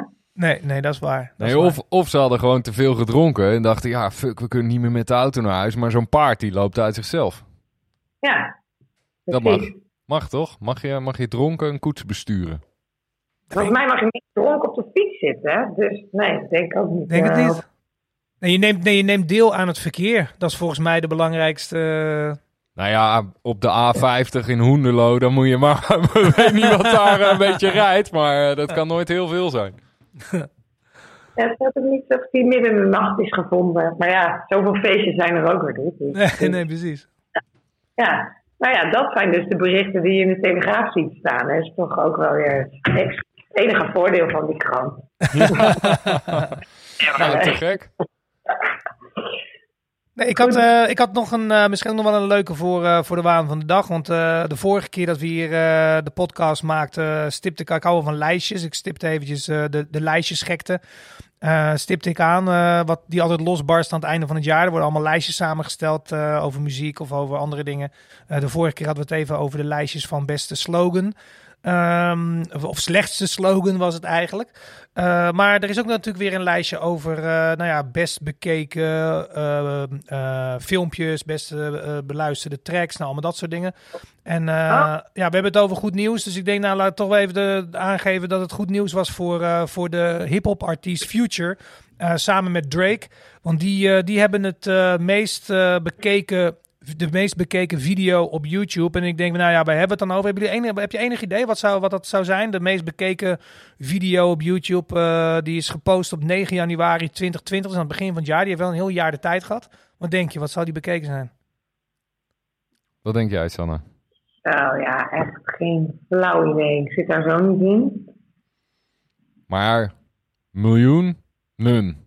Ja, ik, miljarden natuurlijk. Miljard. Ik denk uh, miljard. 1 miljard. Nou, het zit je redelijk in erin. Het is, het is 1 miljard 366 miljoen keer bekeken. Dat is veel. Crazy toch? Dat is bijna net zoveel als deze podcast. Ja. ja. dat is een record hier. Ik dacht dat je het lijstje wilde zeggen van het woord van het jaar. Dat daar weer een lijstje is. Ja, die is ook leuk. Dat is ook altijd leuk. Maar ja, die lag een beetje voor de hand dit jaar. Hè. Dat, uh, dat wat was het? Ja, is het niet, was het niet... Wat was het? Weet jij het, Sanne? Anderhalve meter samenleving. Ah ja. ja. En twee fabeltjes. Fabeltjesfuik. Kijk, dat vind ik dan wel een leuke. Wat? Fabeltjesfuik. Fabeltjesfuik, ja, die is goed. Dat is, uh, is weer hoog op uh, Lubach. Uh, Lubach die, ja, die heeft er weer eentje verzonnen. Ja, het is supergoed. Ja, en een virus. Dat is op drie. Virus waanzin of wappie? Wappie. Oh ja, virus wappie, ja. ja. Ja, nou helemaal te gek. Ik zag nog ook, uh, dan, we hadden het ook nog over gekke namen. En ik zag wel dat degene die zei dat uh, de nieuwe vogelgriep werd uh, uitgebroed in, in, de, in de gigantische pluimveestallen. De meneer die dat vertelde, dat was meneer Kuiken. Nou, dat, vond... dat is ook wel mooi, ja. Dat vond ik ook wel lach. hey, en Sander, nu we het toch over lijstjes hebben. Weet jij toevallig wat de meest voorkomende namen zijn van, van, van dit jaar of niet? Oh, goede vraag. Nee, ja, dat, uh, nee. Misschien me zo te binnen? Uh, nee, ik weet het nog niet. Dat was vorig jaar, was geloof ik Finn en Sophie. Ja, ja Finn wat veel uh, was in ieder geval de laatste periode. Ja, dat, dat staat me ook bij, ja. En het is jarenlang Sam geweest. Oh, dat weet ik ook. Ja, maar voor dit jaar weten we het nog niet. Nee. Nou, komen we volgende keer op terug dan. Ik denk uh, Waldo, dat dat het gaat ja, worden. Die ja, Waldo, Waldo is helemaal... Is helemaal wordt ja. steeds populairder, hè, die naam. Ja, ja gaat heel hard nu. Ja, die gaat hard. nou goed, Sanne, dan uh, gaan we hier uh, je gaan we je in ieder geval hartstikke bedanken voor het deelnemen en uh, voor je leuke nieuwtjes. Jullie ook bedankt en succes. En tot snel in de kroeg. Ja, dankjewel voor, uh, voor het leuke gesprek en, uh, en uh, nou ja, ook alle informatie die, die het in ieder geval mij weer heeft opgeleverd. Heel graag gedaan. Jullie ook bedankt. Oké dan. Groetjes. Dankjewel. Hoi, hoi. Doeg. Nou, dat zei toch bij dat uh, apenverhaal was, uh, ja. Waldo. Hey. Ja, dat is inderdaad wel echt... Uh, dat was ik totaal niet, uh, niet voorbereid of afgesproken. Dat, was wel, dat maakte de waan van de dag wel een stukje spannender. Schot in de roos, man. Dat is, dat is niet... De, schot in de roos niet meteen de meest gelukkige nee, uitdrukking in dit, nee. in dit verhaal, maar...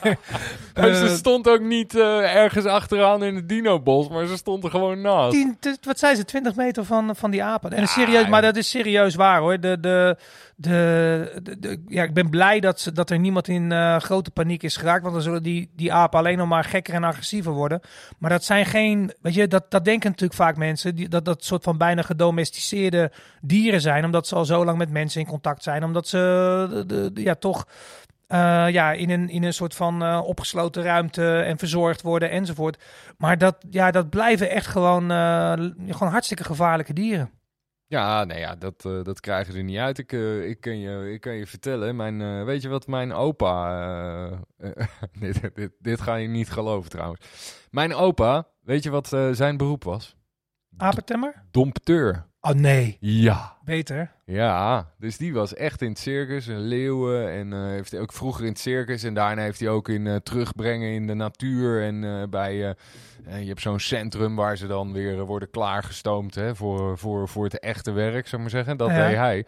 En hij heeft in, op zijn zeventigste ging hij nog een partij tijgers trainen voor het circus. Ja, dat mag nu allemaal niet meer in Europa. Maar toen mocht het nog. Dat is nou twintig jaar geleden. Ja. En die is aangevallen door een van die, van die tijgers. Zo. En daar dus ook aan overleden. Want oh. als de tijger, uh, uh, ja. Ja, als, ja het kan, je kan er goed mee wegkomen. Maar als hij je echt goed te grazen neemt, dan is het wel gebeurd, denk ik. Ja. Nou ja, het is gewoon één klap heeft hij gehad. Maar ja, wel op de goede plekken. Ze blijven gewoon roofdieren. Dus ja, dat, dat, dat, dat, dat, niet zomaar, uh, dat ze niet zomaar gedomesticeerd zijn. Dat, dat nee, nee, totaal niet. weet ik als geen ander. Wauw, heftig verhaal ook eigenlijk. Ja, maar goed. Gooien we er gewoon even in, hè? Ja, maar, maar hoe, hoe gek dan toch eigenlijk de verschillende ervaringen en levensverhalen in één zo'n voorbeeldje allemaal bij elkaar komen. Dat is toch weer bijzonder. Gadverdamme man, wat heerlijk. Och.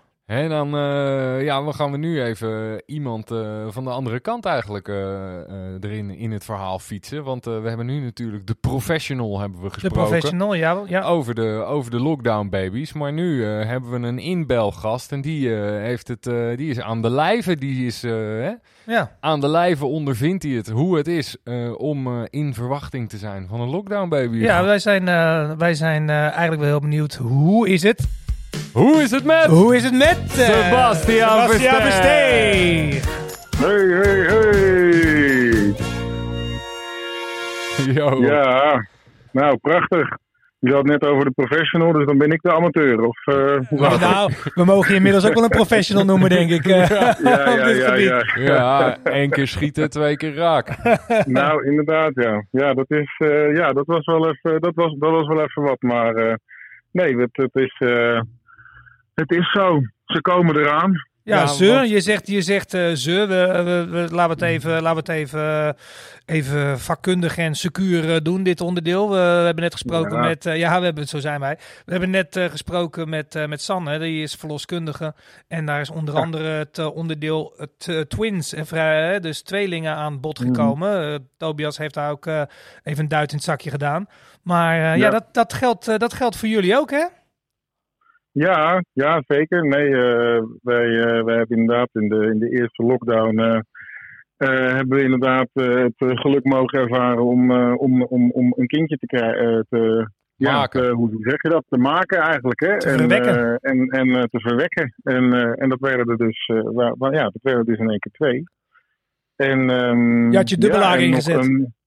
Inderdaad, ja. Ja, ik hou wel van, uh, op zich wel van de fruitmachine. Dus uh, ja, dat is, uh, ja, daar hebben we wel menig eurotje in gegooid. Dus ja, niet, ja, dubbel jackpot eigenlijk. Dubbel jackpot, ja. ja. Dus ja, nog, nog, ja, nog niet eens zo heel erg lang meer eigenlijk. En dan, en dan komen de, de twee meisjes komen, ter wereld. Ja, want wat is de ETA? De EPA 40 weken is, uh, is 28 januari. Ja. Maar goed, dus, dat, uh, maar de tweeling is altijd iets eerder. Dus uh, ja, daarvoor in ieder geval. Ja. Dus ja, 28 januari, ietsje eerder. Wat is dat? Een week of twee, drie eerder, hè? Dus ja, zo, zo, zo, zoiets, ja. Heb je de go-bag ja. al klaarstaan, Versteeg? Uh, nou, uh, ik heb uh, de auto al, al, al bijgetankt. En nee, dat, Die staat gewoon aan. nee, ja hoor. Nee, dat zit, allemaal wel, dat zit allemaal wel goed. Nee, en we zijn er wel klaar voor. Ja, je moet toch je hele huis een beetje gaan, gaan inrichten. Ja, daar weet jij alles van, het ook. En, hè, en een grote auto kopen, daar weet je ook alles van. Dus ja. Nou ja, we zijn er, we zijn er allemaal mee bezig inderdaad. Ja, grote kinderwagen. Tering, dat ding is groot, joh. Maar... Past hij wel door de deur heen dan? Ja, net aan. Daar hebben ze wel rekening mee gehouden, ja. Echt, uh, maar ook echt net. Uh, twee centimeter links, twee centimeter rechts, inderdaad. Echt uh, een slagschip hey, maar zo'n uh, zo'n uh, zo'n zo'n lockdown, is dat zo'n lockdown baby, is dat nog een beetje bewust gegaan of zo? Dat je allebei uh, zo thuis zat en dat je dacht, ja, wat is geen fuck te doen nou? En dan bespringen we elkaar ja, maar. Ja, dan maar dit. Ja, inderdaad. De puzzel zat in elkaar. Ik, ik, ik, ik, had wel het idee inderdaad dat dat ook wel, en dat, dat, dat merk je nu ook wel inderdaad, dat dat wel heel veel ging gebeuren toen. Uh, moeten we eerlijk zeggen dat, uh, dat wij al wel een klein beetje het plannetje hadden opgevat. Uh, maar ehm, ja, dat, dat kwam eigenlijk allemaal een beetje zo, zo samen inderdaad.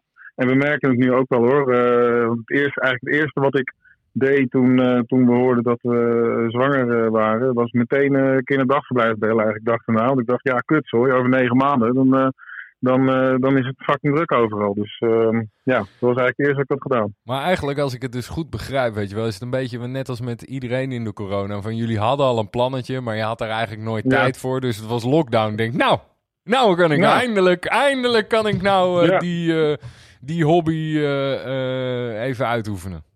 Ja, precies. Roos op het bed en ja, een beetje zo. Hè. je weet het, je weet het. Ja.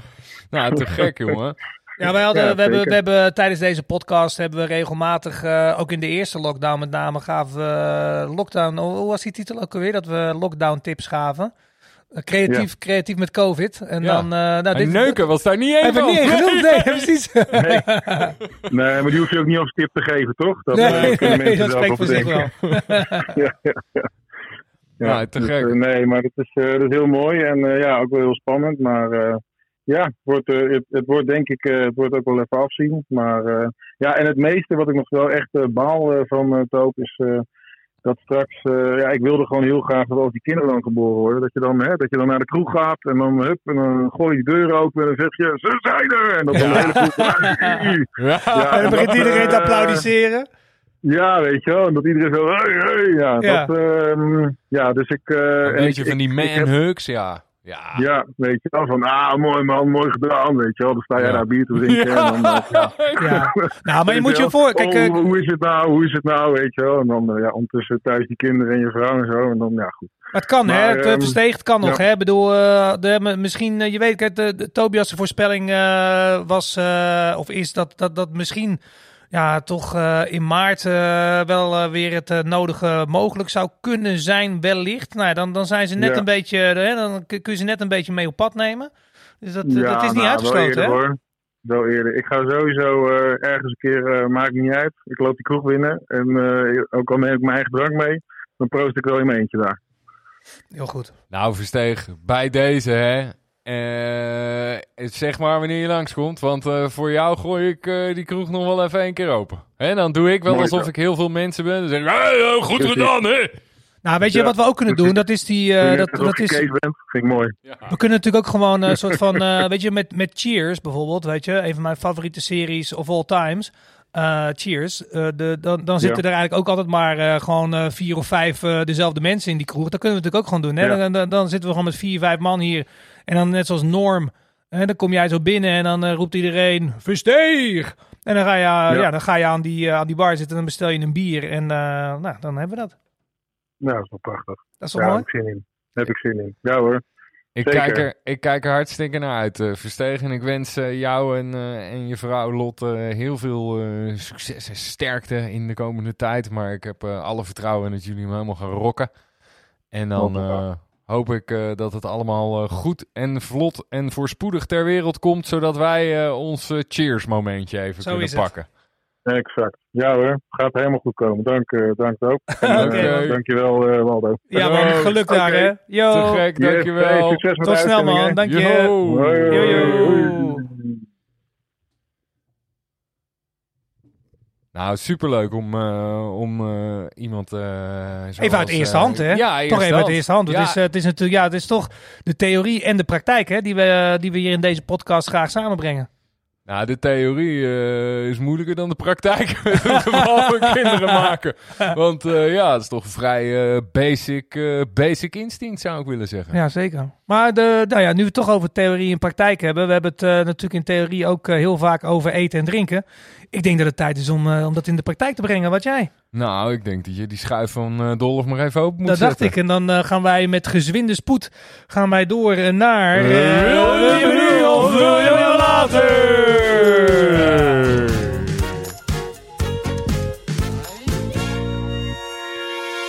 Dag, dames en heren. Dolfmeister. Hi. Nou, de hem hoor. Ja, we gaan het over vet hebben. Vet, jezus. ja? nee, nee, nee. Nee, ja, ik heb, uh, ik heb natuurlijk, ik, ik heb de laatste, laatste ehm, afleveringen van deze lockdown eigenlijk elke keer wel iets gemaakt of iets meegenomen. Ja, vind ik leuk. En uh, vorige keer was dat uh, de erwtensoep of de snert. Juist. En vandaag gaan we verder met de oliebol of de krentenbol. Oh, ja, kijk. lekker. Zit daar, er zit natuurlijk ook weer een, uh, een onderscheid in. Er zit een onderscheidje in. Ja, maar ik vind toch, als je gewoon, je mag gewoon oliebol zeggen en een krentenbol verwachten, vind ik. Uh, Want alleen een oliebol, dat is toch eigenlijk is dat niks. Vind ik niks. Nou, een oliebol, nou. Is, een oliebol is dus een bol zonder krenten. Dat is eigenlijk is hetzelfde als een patatje ja, zonder mayo. toch altijd, uh, ja, precies. Ja, maar, maar hoe, verhoudt, hoe verhoudt de, de oliebol krentenbol, zeg maar, de, dus de krentenbol, hoe verhoudt die zich dan weer tot de krentenbol die je bijvoorbeeld uh, gewoon de hele jaar door bij de bakker haalt? Nou, dat bedoel, moeten we dat, is een serieuze vraag, Waldo? Kan je nou ja, in, nee, nou, elkaar houden nee, op zich? Ik nee, maar in, in, de naam, hè, hoe kunnen we het onderscheiden van elkaar? In ja, de naam, ja, goed, niet, uh, niet, niet, uh, niet, op smaak of... Als jij bij de stadsring staat, bij zo'n bij zo'n ja. bij zo'n bij zo'n tent, weet je, je bestelt een krentenbol. je bestelt een krentenbol en hij komt aan met een zakje krentenbol uit de supermarkt. Dan denk ik, nee, ga jij maar even weg. Zijn dat niet reuze, reuze krentenbollen of roze? Nee, maar goed, we, wijken een beetje ja, af. Wij, ja, maar ik bedoel meer, wat mijn punt was eigenlijk, is een oliebol, zou ik zeggen. Dus, dus, ik zeg een oliebol, dan verwacht ik een krentenbol. En wil ik ook een krentenbol. Ja, en als, eigenlijk als je een oliebol wilt, dan moet je twee keer zeggen, ik wil echt een oliebol zonder krenten. Precies. Ja, ja, ja vind, ik, vind ik eigenlijk ook wel. Vind ik eigenlijk ook wel. En als je geen poedersuiker wil, dan moet je dat ook erbij zeggen. Ja. Toch? Ja. Dus je, als je een oliebol bestelt, krijg je eentje met, met krenten en veel poedersuiker. Ja. Ja, vind ik wel. Maar ik vind het, uh, ik vind het toch. Ik ben, uh, ik ben een beetje. Ik ga ondertussen even heel snel die krentenbollen uitdelen, want ik ken het ook een beetje. Hè, goed. Dan lul ik de boel wel aan elkaar. Ja. Ah, ik was namelijk. Uh, ik heb. ik, ik heb er al eentje geproefd van Dolf vorige week. Ja, ik heb, me, ik heb mezelf gespaard. Ik, ik laat me helemaal verrassen. En ik moet zeggen dat ik, ik, ik was een beetje, ik was er een beetje klaar mee met de oliebol. Oh? In, in, de afgelopen jaren. Gewoon dat ik dacht van nou laat het maar aan mij uh, voorbij. Uh... Jij neemt ook weer degene met de meeste poedersuiker hè? Tuurlijk neem ik degene met de meeste poedersuiker. maar laat het maar een beetje mij voorbij oh, gaan, weet je wel. Gewoon uh, dingen. En toen had, ik, had ik hier vorige week eentje van Dolf. Die kwam echt net uit vet. Oh. En oh... Ik ben weer helemaal verslaafd. Ja. Ja. Oh, dat was te merken vandaag. Ja, ik, ik, ja. We hadden een schaal, ik had een mooi torentje gemaakt, maar ik pak zojuist het laatste van het bordje af bijna. Uh, ja, ja, dit is uh, van, uh, van een piramide is het naar een bunker gegaan. Ja. ja. Wat, is het, wat is het mooie is, je hebt een beetje, je, hij moet ook een beetje crunchy zijn. Kijk. Hoor je dat? Ja, dat horen we. Maar ja. niet te crunchy. En hij moet dus, hij moet wel een beetje vet zijn, maar niet te vet. En um, ja, als je hem dus openmaakt, dan is hij dus best wel vrij luchtig. Mhm. En uh, wat misschien wat leuk is, is aan deze oliebol met krenten, is dat er ook stukjes appel uh, in zitten. Is echt super lekker. Terwijl ik ben helemaal niet zo van... Uh, nee, dit is de derde nu die eten. Van, van warm fruit of zo. Nee. Ja. Ja, heerlijk. Dus, dus ik gebruik dus... Um, uh, ja, ik was ook al bezig met het brood vorige keer, toch? Dus ik ben, ik, ik ben helemaal uh, into de verschillende bloemsoorten. En voor de oliebol gebruik ik dus- Rozen, dus... anjers, lelies. Uh, madeliefjes. ik moest even denken hoor. Maar uh, ja, nee, verschillende soorten bloemsoorten. En uh, waaronder dus ook bloemsoorten waar je mee kan koken en kan bakken. En ik gebruik hier dus weer Amerikaans bloem voor. Dus weer wat fijner dan de gewone patentbloem die we, die we hier kennen. En um, die, die, die kan ook wat meer gluten hebben. Dus die wordt wat meer stretchy. Dus als je deeg maakt met, met uh, oliebollen, uh, wordt het ook een soort van... Uh, ja, hij wordt heel draderig. En nou, wat belangrijk is, is dat je het frituurt in zonnebloemolie. En niet in frituurvet. Zonnebloemolie wordt anders warm. En mijn volgende testje wordt ook in argideolie. Dan krijgt hij een klein beetje een nootachtige smaak nog de, eraan. En volgens mij ga ik dan naar, naar de, naar, richting de perfecte oliebol.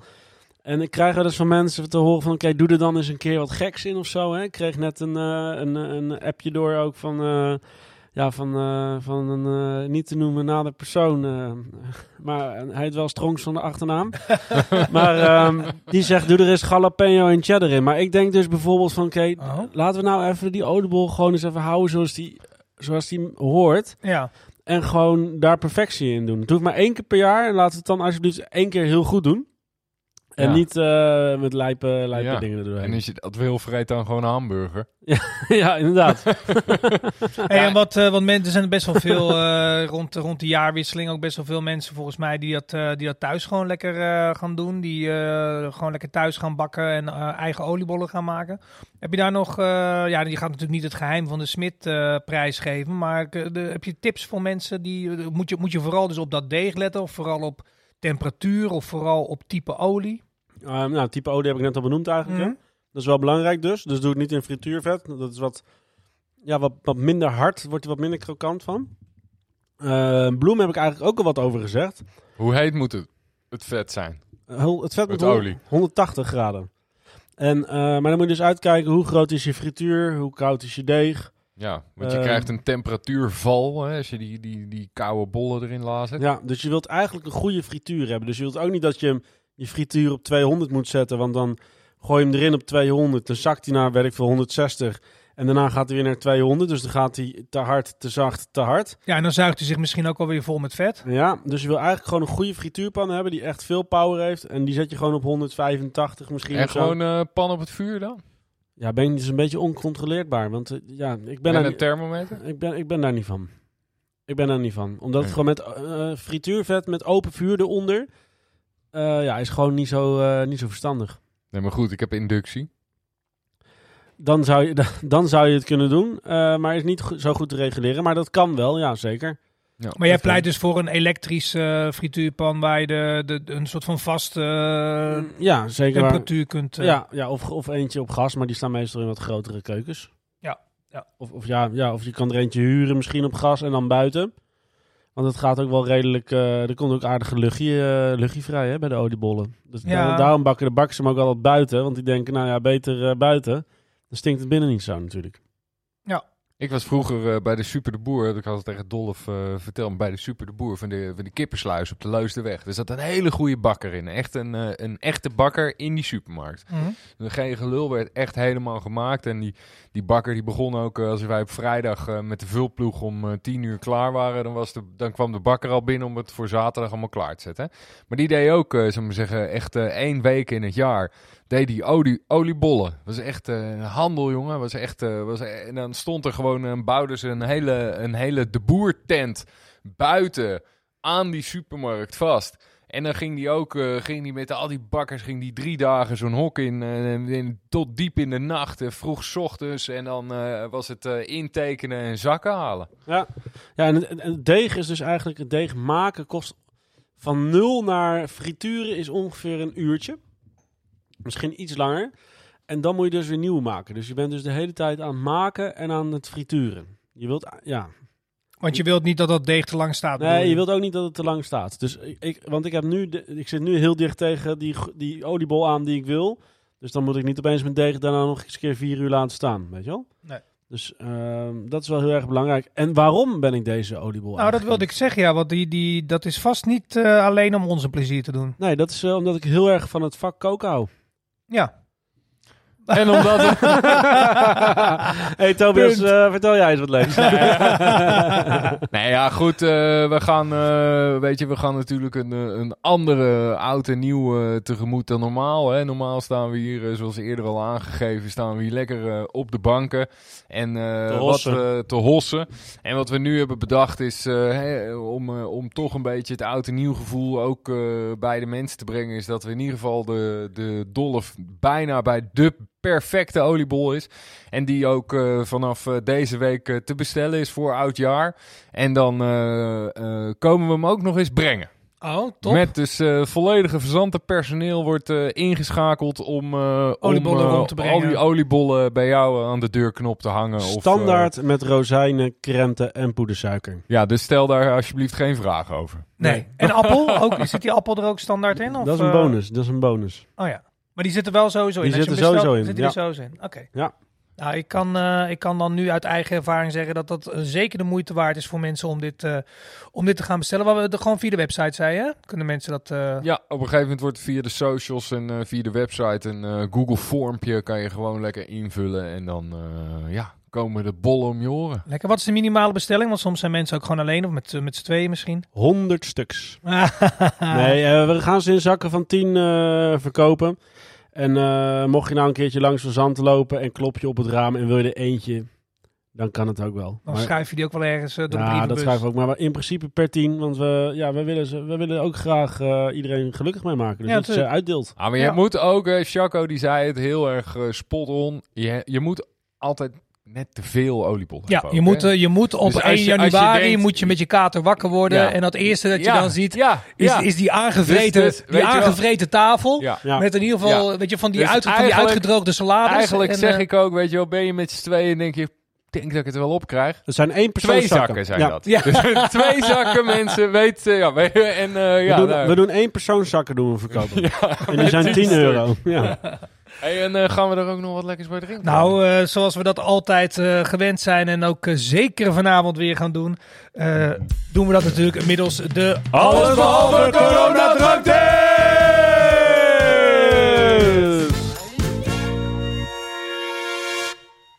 Nou, ik heb, ik heb iets warms meegenomen van jullie. En ik als, als ja goed, ik, ik ben er trots op. Ik ben toch een kwart Duits ook. En uh, met de grote kerstmarkten uh, is dit uh, een veelgeziende drank bij ons in Duitsland. Ook bij, bij, ons in Duitsland ook echt. ja, ja, ja ik, ik, zal, ik zal nou niet weer over mijn eigen Duitse affiliatie beginnen. Maar ja, ik, ik, ik, ga, ik, ben helemaal, ik ben helemaal in je team. Want we hebben het hier natuurlijk over de glühwein. De glühwein. Glühwein. zeker. Hij wordt, uh, hij wordt warm gedronken. Hij staat voor je, hij dampt in je neus naar binnen. En dan denk je, nou, moet ik dit nou wel nemen? Niet onbesproken ook de afgelopen weken trouwens. Hè? Want uh, ook uh, in Amsterdam uh, was, het, was het erg gezellig buiten rond de Glühwein stands. Maar ja. ook, in, ook in Berlijn. Hè? Dat, hè, het, het, werd erg, het werd erg gezellig daar rond. Dus het is niet onbesproken. Nee, nee, nee. En, en wat ik wel. Kijk, het is. Ik heb altijd een beetje het idee dat we de gluwijn maken van de wijn die we anders niet opdrinken. Want we gaan gewoon. Ja, we maken de wijn. Dat is eigenlijk een beetje die, die Duitse wijn die we ze ervoor gebruiken. Die, die, die is niet zo krachtig, hè? Best noordelijke wijn is dat. En. Um, ja, die, die, die kook je dan. Of die kook je, die verwarm je. Je wilt niet echt koken. En die verwarm je dan met, uh, ja, met specerijen. En met citrusschillen, zoals sinaasappel en uh, limoen heb ik er dan in zitten. En uh, specerijen doe je erin, kaneel, uh, sterrenijs, een blaadje laurier heb ik erin gedaan. En eventueel kan je er ook suiker in doen. Nou, kan je vertellen, dat heb ik er wel in gedaan. Welke, welke, welke wijn, of welke wijn heb je gebruikt, zeg je? Duitse wijn? Ik heb Duitse wijn gebruikt. Oké, nou, volgens mij moet het toch juist met zuidelijkere wijnen. Nou, ik, eh, normaal gesproken, kijk, je kan een soort van mix doen. Ik heb, ik heb, uh, ik heb een Duitse wijn gebruikt uit, uit Duitsland. Ik ben even... even ben heel, is een Doornvelder? Dat zou goed kunnen, ja. Dat zou goed kunnen, ja. Ja, ja. Kan me Lijkt een beetje om Pinot Noir in ieder geval. Oh, dat, dat dan, is het dan is het een speetbegoender. Dan is het speetbegoender, hè? Ja. ja. ja. dat is, want dat is de Pinot Noir uit Duitsland. Ja, dat is de Duitse Pinot Noir. Precies dezelfde druif ook. Ja, ja. En uh, die gebruik je. Want als je een uh, zieke uh, Bourgogne wijn gaat gebruiken, dan, uh, dan, dan, slaap je, dan, dan, sla je de plank helemaal mis met de gluwijn. Ja. Nou ja, dat... nou ja, wat, we hebben stiekem een beetje natuurlijk tijdens jouw intro zitten proeven. Wat vinden we ervan?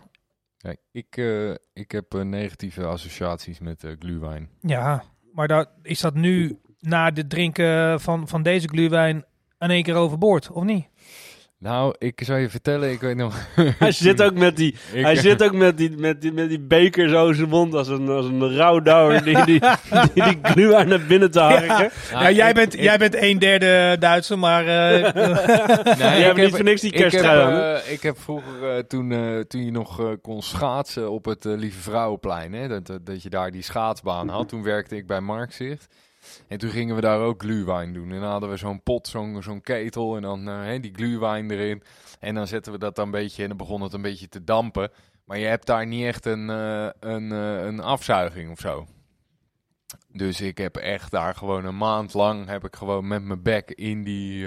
in die gluwijn gezeten. In die gluwijn, in die pot, in die, damp. in die damp. En het is gewoon het is bij mij, het is, ja, het is nooit meer echt helemaal goed gekomen. En ja, ja, een warme chocolademelk, dat, dat, dat, dat, zat dan in de machine, denk ik, hè? Ja, dat was inderdaad anders, ja. Ja, dus... Uh... Nou ja, ik, heb, ik, heb, ik moet eerlijk zeggen, ik ben dus ondanks mijn, uh, mijn, mijn Duitse, mijn Duitse hele verre roots... Uh, niet ook per se een fan van gluwijn. Ik vind het vaak een beetje weeg. Uh, je krijgt een beetje, ik word altijd een beetje. Uh, ik zou er ook niet te veel van kunnen en willen drinken. Het wordt, wordt ja, normaal is het een beetje zo'n zo'n weeg gevoel. Ik kan er ook niet. Maar ik wil, ik, ik wil even, Ik, ja, ik wil even dus de complimenten maken voor, voor deze gluwijn. Want deze is vind ik qua smaak echt heel prettig. Heel lekker en, uh, en niet, ja, dus niet dat wegen. Goed in balans. Nee, ja, je doet gewoon, je doet gewoon, uh, ja, gewoon. Nee, ja, compliment moet je gewoon even pakken. Dankjewel. Wat ja. ik, dankjewel. maar wat ik dus vervelend vind is eigenlijk van de glu. Ik ben er nog nooit uh, dronken van geworden. Nou, dat vind je vervelend. Nou ja, dat moet ik zeggen. Ik bedoel, je drinkt natuurlijk niet altijd alles om dronken van te worden. Uh, dat is zeker niet waar. Maar... Maar ik kan me voorstellen, als je dus op zo'n markt staat of hè, op wintersport, zie je ook vaak glühwein en zo. Dan wil je toch een beetje dat, dat jolige gevoel van krijgen, toch? Met z'n allen sta je een beetje glühwein te, te, te, te, proosten. En dan, ja, ik heb het idee dat het uh, wat matig is. Mm. Net zoals Jaeger thee. Ik, ik, weet niet of je dat wel eens hebt gedronken. Maar dat, dat uh, dus ik vind het effect van de, van, van de, van de, van de glühwein... Hoe zit het dan met het uh, verdampen van de alcohol? Ja, dat gaat bij een graad of 40 verdampt het al, geloof ik. Nee, dat 78. 78, ja, twee keer 40 inderdaad. Ja, maar goed, het is, het is niet alsof dat er gewoon gelijk uh, allemaal uit is. Hè? Nee, dus, dat duurt dus, even. Ja, dat ja. duurt wel een hele tijd, zou ik maar zeggen. Dus er zit wel uh, degelijk, uh, degelijk alcohol in. Ja. Je kan er ook soms, dat deden wij nog, dat we stiekem even een... Een, ja. een, een, vieux. Een, een, druppeltje rum of een druppeltje vieux, een beetje. Gewoon ja. een beetje... Op de windsport. Nou, Nee, gewoon ja, over- niet. overal kan je dat wel doen. Oh ja, ja.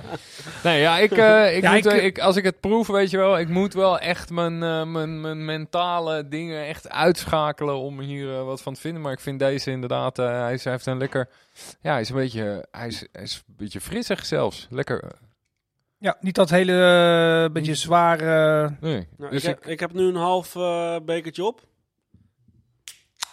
En jij gaat voor een biertje. Ik ga toch weer voor een biertje. Ja. Ik, eh, Nee, ik ga deze lekker opdrinken. Ik, eh, ik, ik, ik moet ook zeggen, ik eh, ga de, de kerstmarkt dit jaar in Duitsland wel missen. Dat is toch ook een Ga beetje een, ja, is toch een beetje vaste prik geworden. Om, eh, om zo ik ben rond- daar dus nog nooit geweest al. Ja. Ik zeg het allemaal wel met mijn, met mijn Duitse roots, maar die heb ik dus nog nooit gehad. Ja, ja kerstmarkt in, eh, in Duitsland, eh, Keulen, in de buurt van Keulen natuurlijk heb je, en Keulen zelf heb je een hele leuke kerstmarkt. Bonn zijn we geweest en natuurlijk op allerlei plekken in Duitsland zijn hele mooie kerstmarkten te vinden. En eh, ja, die sfeer en eh, eh, ja, het, het gevoel daarbij is natuurlijk wel hartstikke, hartstikke leuk.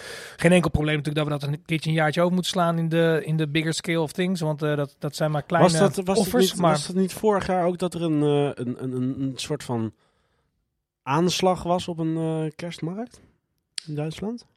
Dat, eh, ja, daar, daar Staat iets staat mij iets van bij ook. twee, Ja, twee dat jaar daar, geleden zijn geweest. Ja, dat daar ook een, eh, maar ook goed. een, eh, een naar voorval. Ja, klopt. Dat, dat klopt wel.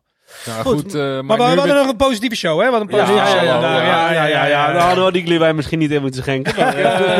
Eh, ik denk eh, dat eh, nu we toch niet naar de, naar de kerstmarkt kunnen, dat we beter even moeten gaan kijken wat de alternatieven daarvoor zijn. En dat kunnen we het beste doen in eh, de Uit je dakagenda!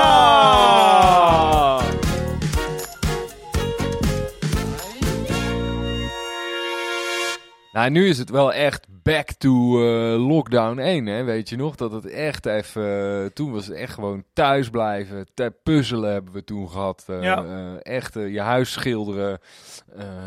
Ja, en nu zitten we weer een beetje in dat straatje. Ja. ja, dus ik heb het voor wat betreft mijn uit je dak agenda. Ja, je kunt je natuurlijk afvragen wat dan echt uit je dak gaan is. Dat, eh, dat moet je er dan maar zelf van maken. Maar ik heb wel een, thuis, eh, een thuistip, daar heb ik me bij gehouden. Want inderdaad, we kunnen nu op dit moment, en het is er ook gewoon niet. En we kunnen nu ook niet natuurlijk mensen tips gaan geven van, voor, om erop uit te trekken. Ehm, maar, dus ik heb het bij een, bij een filmtip gehouden. Ik heb toevallig laatst de kerstfilm, want we zitten toch een beetje in die kerstsfeer en we zitten in de positieve vibes. Ik, ik zei al, ik heb mijn kersttrui aan, we, we drinken een gluurwijn. Ehm, de, de, de filmtip Jingle Jangle. Iemand al iets van eh, meegekregen? Nee? Nou ja, ik heb het eh, ergens... Het was gewoon Netflix staat Ja, het het is een, eh, een Netflix film. Jingle Jangle, A Christmas Journey. Even alvast een, eh, een, een, een kleine waarschuwing. Spoiler alert. Spoiler alert slash waarschuwing, eh, eh, disclaimer. Eh, het, er wordt ingezongen. Oh ja. ja, Oh, ja. Oh, ja. Het, is, het, is een, eh, Het kan taai zijn. het is een musicalfilm. Maar wel niet alles. Er zit ook wat van die zoetsappige nummers in. Maar een groot deel is wel echt gewoon heel funky en, eh, en heel soulvol. Eh Nou, hoofdrollen dat, dat worden... klinkt op zich nog wel positief. ja, dat is goed te doen. Niet en, van die eh, classic kerstliedjes. dus. Nee, nee, nee, nee, nee. En de hoofdrollen worden gespeeld door Forrest Whitaker. Ik weet niet of mensen die kennen. Ehm, Keegan, Keegan Michael Kay. Eh, een hele toffe comedian. Ehm, Claire, Claire Huxtable. Ken je die nog? Van de, ja, die is misschien een beetje, een beetje voor jullie tijd, maar de, de- van, de, van de Cosby Show. De, de vrouw nou, van Bill... De, Cosby Show heb ik natuurlijk heb ik wel, heb ik wel gezien. Nou ja, daar is dus de vrouw van Bill Cosby. Oké, uh, Claire, Claire Huxtable. Toen het de serie. Bill nou ja, ja, ja. Ja, de, ja. De, de, heette dus Huxtable, Dr. Huxtable. Ja. Uh, die speelt daar ook in. Ik weet even niet wat haar uh, echte naam is. Maar goed, um, een... een, een is het een familiefilm? ja, familiefilm. en ik vond gewoon een hele, een hele toffe... Ja, kerstfilm. ook net even anders dan de gemiddelde kerstfilm die je kent. Uh, dus uh, dus dat, dat is mijn tip voor deze komende dagen om, uh, om die er eens bij te pakken. Nou, ik heb, ik heb twee tips. Go for it. Eentje voor als je dus inderdaad echt thuis blijft en weet je wel, dus gewoon stay at home. Ik heb net Rutger Bregman gelezen. Hè, vast heel veel luisteraars zullen, me, zullen me ongetwijfeld al kennen. En het boek De meeste mensen deugen uh, ja, het is echt een aanrader. Het is wat mij betreft echt een, uh, zelfs een, uh, een eye-opener, een game changer. En er zijn gewoon zoveel mensen die ik op professioneel vlak of in, in tegenkom. Of weet je wel, en ook in mezelf hoor, maar die ik gewoon dat boek zou willen geven omdat mensen gewoon veel te veel uitgaan van het negatieve eigenlijk. Terwijl hè, het, is, het is precies wat ik net zeg over die 150 mensen die, die door Macron bij elkaar worden gegooid. En waarvan hij dus denkt van nou, die, uh, weet je, die willen gewoon uh, die willen geen uh, niet extra geld betalen voor het klimaat. Die willen gewoon goedkoop en snel. Weet je wel, zo heeft hij ze bij elkaar gezet.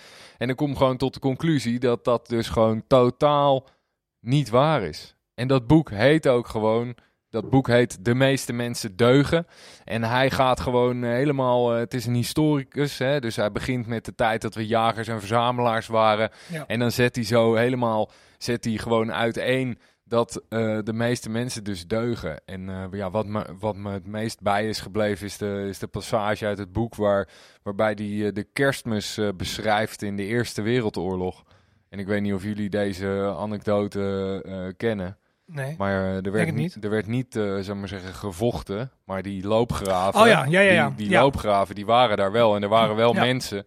En is dus eigenlijk in de, op de complete linie tussen die twee landen zijn de, uh, de Duitsers en de Fransen en de Engelsen zijn op dat moment echt nader tot elkaar gekomen. Dus er werd, er werd gewoon gevoetbald. Er, werd, uh, er werden sigaretten uitgewisseld, er werd eten uitgewisseld, er, werd, uh, er werden vuurtjes gestookt. En, en zo erg dat, uh, dat echt de generaals en zo op een gegeven moment echt zoiets hadden van nee, en dat mag niet en je moet, weet je wel, we moeten agressief blijven. Nou, dat vond ik echt een, echt een heel bijzonder om te lezen, weet je wel. Dus ehm, dat. Ja, het zet, uh, het zet een, uh, een uh, tegenovergesteld wereldbeeld van een andere filosoof. Hè. Ik ben even zijn naam kwijt, maar die, die, gaat, die, die ja, bepleit eigenlijk het tegenovergestelde. Mensen zijn in de basis eigenlijk slecht en door, door omgevingsfactoren kunnen ze, kunnen ze, kunnen, doen ze het misschien wel redelijk goed. En hij, hij draait het om. Hij zegt, we zijn in de basis goed en door omstandigheden worden mensen slecht. Ja, dat zij zegt uh, de, de, de beschaving die we hebben is eigenlijk een klein vernislaagje. En als dat ook maar enigszins weggaat, dan, uh, dan maken we elkaar af en dan vreten we elkaar op. En ook gewoon die, die je hebt die, die beroemde waar iedereen het over heeft. Dat, dat, dat normale mensen stroomstoten geven aan andere mensen. Ook al worden die op een gegeven moment opgevoerd en dodelijk. Dat is gewoon onzin. Mm. Dat is gewoon heel hoog opgepakt door de media in die tijd. Maar dat is allemaal al lang ontkracht. En die mensen die doen dat helemaal niet. Dus mensen gaan daar gewoon keihard tegen in. Ook al zegt iemand tegen ze, uh, je moet dit doen. En vooral op het moment dat ze zeggen, je moet dit doen. Dus ze zijn eerder geneigd om het te doen voor iemand die aardig voor ze is. Omdat je dan, dan ga je dus. Uh, nou ja, het is, het is mega interessant. En ik, ik zou het echt iedereen aanraden om te lezen. Want het, het, het, het verandert je wereldbeeld. Of mijn wereldbeeld in ieder geval heeft het echt uh, ten goede veranderd. Ja, en, en past natuurlijk uh, helemaal in, uh, in de kerstgedachten en, en ook in deze positieve uitzending. Zeker. Maar goed, je kan niet de hele dag thuis zitten. Dus soms ga je een wandeltje doen. Ja, of fietsen. Nou, dat kan ook. Maar goed, als je dat dan doet, dan zou ik vanaf, uh, vanaf het moment dat je dit luistert, kan je dus ook langs Fazanten fietsen of wandelen. Ik zou even afstappen. Want we hebben hier uh, een uh, één grote kijkdoos Fazanten. Codenaam is dat, kijkdoos Fazanten. En we gaan kunst, eigenlijk kunst van de... Kijkdoos Fazanten. Kunstkijkdoos Fazanten. want we gaan van de nood een deugd maken. We zijn natuurlijk nooit gesloten, dus we kunnen dat soort projecten kun je normaal niet doen. Maar omdat we nu dicht zijn, is, uh, en we hebben zes ramen. We hebben al die zes ramen hebben we aan een uh, creatieve partij uh, ge gegeven. En zij gaan daar mooi kunstwerk in maken. En dat is onder andere ATM Model Art, Anders Wolhard. Atmosfeer, hè? Atmosfeer, Atmosfeer sorry, ja. En ehm, de Fluor, Lepeltje Lepeltje doet het... Into the Woods en Per Expressie. Dus vanaf vrijdag kan je hier, uh, kan je hier langskomen en kan je je laten uh, verwonderen. Ja. Dus het, uh, ja, in, voor de duidelijkheid, de, de kunstwerken staan dus voor de ramen geëxposeerd. En door langs het pand te lopen, kijk je naar de Zeker. kunstwerken. En, en er komt echt wel wat leuke, freaky shit ook. kaleidoscopen. Nou ja, goed, ik doe niet te veel uit de doeken. Nee. Maar kom alle kijken. Leuk, leuk, leuk, leuk.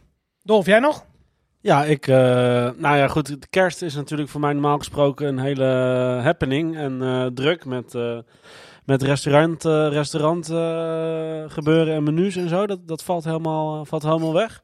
Dus eigenlijk wat ik wil, ik wil eigenlijk tegen iedereen zeggen van, goh, als je met kerst gaat eten, ga dan in ieder geval één dag bij je favoriete restaurant eten halen. Of dat nou in Amersfoort is, of in uh, Vathorst, of in... Uh, in een Timbuktu. Timbuktu. Uh, steun, steun, de, steun de horeca en uh, ga dat vooral doen. Dat heb ik eigenlijk nooit eerder gezegd, maar ik denk dat het met kerst echt wel... dat we het echt wel met z'n allen moeten doen. Ja. En heb je daar tips voor? Nou ja, mijn tip is ga naar je favoriete restaurant, want die moet je steunen. Dus ja, dat, dat, is voor iedereen anders. Ja, ja, ja. Dus mijn okay. favoriete restaurant is Verzanten. ja, heel goed. ja, of ga gewoon naar Jack Snack Attack, weet je wel. Gewoon uh, ja. frikandel en mayo. Zo is het ook. Maar doen de, doet Van Zand, uh, bieden jullie kerstdiners ook aan? We, zijn, uh, we blijven bij onszelf en we zijn tweede kerstdag open. En we zullen iets, iets wat, wat gerechtjes nog bij de normale menukaart doen. Maar we gaan geen gekke doe-het-thuis boxen maken met acht gerechten. Dat, nee. Daar gaan we ons niet aan wagen. Oké. Dolf is ook druk met de oliebol natuurlijk. Uiteraard, ja. Hè? Ja.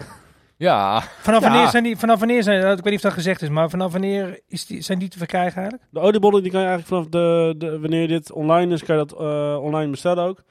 En dan uh, gaan we het de 31ste gaan we het verspreiden. Alright. Over Amersfoort. Als een, uh, als een virus. Hey, en, um, ja, dat gaat lekker snel. ja, we gaan het gewoon met iedereen, met alle, met, met alle medewerkers willen we het gaan verspreiden. En ik dacht, uh, ik, dit is een beetje, ik freestyle hem er maar even in. En ik weet niet of het goed gaat. Je weet het maar nooit. Maar oh, ja. uh, ik denk, laten we eens, uh, laten we een keertje Jim Dolman even bellen. Jim gewoon, Dolman even bellen? Ja, gewoon even. Over uit je dak gaan gesproken. Ja, gewoon, dit heeft helemaal niks, ja, dus niet voorbereid ook. Ik weet ook niet, niet of Jim opneemt. We laten hem gewoon vijf keer overgaan, denk ik. En dan... Nou, goed, Prima. Hey, voor de duidelijkheid, Jim zit natuurlijk nog steeds in Nieuw-Zeeland. Uh, en, uh, onze ja, collega. Onze collega. En die uh, hebben we als laatst gesproken toen hij nog opgehokt zat in zijn hotel, waar hij in quarantaine moest. En inmiddels is hij daar uit, alweer een tijdje, en is hij ook al hard aan het werk daar. En, maar ja, we hebben toen al besproken dat, dat er daar van alles en nog wat mogelijk is. Eigenlijk gewoon alles. En ja, we zijn benieuwd hoe het, hoe het daar is of hij al een beetje uit zijn dak kan ik ben benieuwd of hij opneemt. Ja. Hij is ook gewoon, uh, moet ook gewoon gewerkt worden. Ja, nee, logisch. Misschien staat hij wel op een zeilboot. Je weet het niet. We gaan het nou, we hebben wel een geluidje. Ja, maar ik bel anoniem, want ik bel met, uh, met Skype. Oh ja, maar misschien... Jim heeft... Ja. Hallo? Hallo? Ja, daar is hij gewoon vol. Hoppakee. Hey guys. Oh, oh sorry. Ik heb de radio uit. Yo Jim, alles lekker jongen? Ja, zeker. Zit ik er al in? Ja, je zit er al in. Bellen we... Gewoon, uh, we bellen je gewoon live op en tegenwoordig doen we alles in één take, man. Godverdorie. Hey, professionaliteit ja. alweer. Hey Jim uh, Dolf hier. Je zit in de rubriek Uit je dak agenda. Aangezien wij hier helemaal niks meer kunnen, vroegen we af uh, of jij nog wat kan. Ja. Nou, dat is goed, want vandaag is het begin van de races. Dus uh, heb je toevallig in de, ben je de gelegenheid om naar Alkmaar te komen? Dan kan je live. dan kan je naar de World Series Regattas van de, de 36e editie van de Prada Cup kijken. Ja, die kun je kijken. Die kun je, die kun je kijken. Ja, die, kun je, die kun je kijken vanaf je hotelkamer, bedoel je? Want je moet eerst twee weken in quarantaine, toch? Ja, goed, goed, goed. Details, Waldo. Details. ja, dat is waar. De details. hey, maar goed, jij bent daar toch een beetje om die boel een beetje op te nemen. Dus waar kunnen we dat dan kijken als jij dat allemaal opneemt? Uh, nou, dat wordt uh, live gestreamd op YouTube, op Facebook. Dus dat is voor gratis. En uh, volgens mij is het ook nog op betaalzender. En dat is vanaf vandaag? Dus je kan er gewoon naar kijken als je... Ja, ja de, de World Series is vandaag. Dus het is, ja, het is hier natuurlijk al donderdag. Um, dus ja, dat is vanaf morgen bij jullie. Ja, maar wel, je moet wel in de nacht kijken. Dus de races zijn tussen 3 en 5. Dus dan 12 uur tijdsverschil maakt dan dat je eigenlijk dan live om 3 uur s'nachts kan beginnen. Oh ja. Uh, ik kan misschien wel het programma doen. De eerste race is Nieuw-Zeeland tegen Italië. Daarna komt Amerika tegen Groot-Brittannië. Daarna is het Italië tegen Groot-Brittannië. En dan is het Nieuw-Zeeland tegen Amerika. Dat zijn de vier races die we gaan doen. Nou, spannend. Wat een feest. Hey, en de, Jim, uh, over uit je dakagenda gesproken. We hebben natuurlijk destijds uh, al even, ja, we hebben een beetje in, jou, in jouw voorpret mogen delen. Want we wisten op het moment dat jij het hotel uit mag en je uit quarantaine mag, dan, ja, dan, dan ligt de wereld voor je open. Dan is alles mogelijk daar. Is dat, is dat inderdaad zo geweest? En heb je al bijzondere dingen meegemaakt? En mooie feestjes en misschien wel concerten? Of, of ben je gewoon veel te druk met het werk? Nou, voornamelijk druk met werk. Dus je moet ook wel werken door het weekend. Maar het, het is sowieso een ontzettende luxe dat je na werk gewoon een kroegje kan stappen en gewoon een pilsje kan drinken. Dat is, uh, en ik was afgelopen vrijdag op een feestje. Uh, gewoon echt een, goed huisfeestje, 100 man. Ja, dat is, ja, dat is bizar. Dat is ook, uh, ja, dat voelt een beetje onwerkelijk. Nou, het voelt steeds minder onwerkelijk. Je raakt er vrij snel aan gewend, dus dat, dat is oké. Okay. Mm. Dus, uh, maar ik hoop uh, dat als ik terugkom in Nederland, dat het allemaal weer een beetje hetzelfde is. Want ik moet weer, weer, weer gaan wennen. Maar ja, het is, het is gewoon handen geven. Alles is gewoon uh, ja, zoals normaal. De mensen zitten aan elkaar, je zit naast elkaar. Je drinkt elkaars cola of elkaars bier. dat soort dingen. Ja. Dat klinkt een beetje iets om kippenvel van te krijgen. Ja, jaloersmakend. Ja, ja, ja. En daar, bedenk daarbij dat het hier altijd 22 graden is. ja hoor, schrijf het er nog maar even in. Ja hoor. ja, nou Jim, dankjewel dat je even in de podcast wilde komen. Hè? Nee, maar het is, je, het, het, is je, het is je van harte gegund. En uh, we weten dat je daar uh, vooral gewoon heel hard aan het werk bent. En dat je mooie dingen aan het maken bent. Dus uh, namens, namens, je, namens je podcast collega's nog heel veel succes en plezier daar man. Ja, ja, hartstikke bedankt. Ja, ik mis jullie guys. Ik zag de foto's van de oliebollen. Weet je, dat is, uh, ik heb het hier niet. ik, uh, ik stop er een paar voor je in de vriezer. Ja, mooi. ik, kijk, ik kijk ernaar uit. Nee, thanks guys. Uh, heel veel plezier. En ik, ja, weet je, het is nog één ding. Het is voor mij nu heel relaxed. Want elke keer als er een nieuwe aflevering komt, ik voel me nu eigenlijk een beetje publiek. Terwijl ik naar mijn, voor mijn gevoel naar mijn eigen podcast zit te luisteren. Waar ik dan zelf niet meer fysiek aan deelneem ik ben daar heel blij mee. Want het is, uh, ja, dan loop ik lekker naar werk en ondertussen dan ben ik dan toch nog in de kroeg. Dus ik snap nu eindelijk wat mensen ook bedoelen met het fazante kroeggevoel. Ja, goed Top, top, top, top. Oké, okay, yo. Oké okay, man, tot snel hè. Yo, Dank yo, yo. Ja, jongens, die, die stem missen we allemaal natuurlijk een beetje. Ja, absoluut. absoluut. Maar het is, uh, hij is lekker bezig daar. En uh, nou, ik denk dat hij, uh, dat hij daar weer een heel mooi nou, tijdavontuur Ik, ik ga serieus toch maar eens intunen dan op die reis. Even kijken ja, je wil wel kijken wat er gebeurt. Ja. ja. Ja, Maar dan misschien wel naar een herhaling kijken. Ja, dat denk ik wel. Ja. Dat is ook prima. Nou, dan uh, is het. Zullen we vooruitblikken? Ja, dan gaan we langzaam weer door met de, de, de op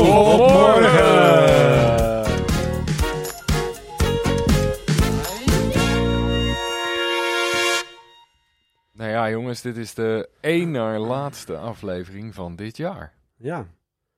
Ja. En dan, uh, dan hebben we er al best wel wat gemaakt, hè, ondertussen. Nou, goed, dan gaan we naar 7, 28 of zo gaan we dan toe. En dan die laatste, die komt dan... Uh, dit is... Nee, dit is de laatste aflevering. Ja, oh ja, maar niet... Ja. Ja.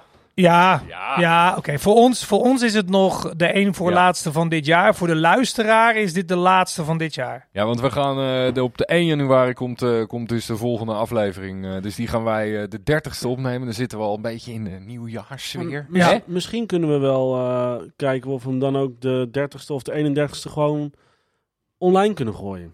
Nou, nou ja, er is, is niemand ermee bezig, joh. Dan gaan we, we gaan, we gaan, één ding weet ik wel. We gaan hem niet op vrijdagochtend 1 januari uh, editen. Monteren, ja.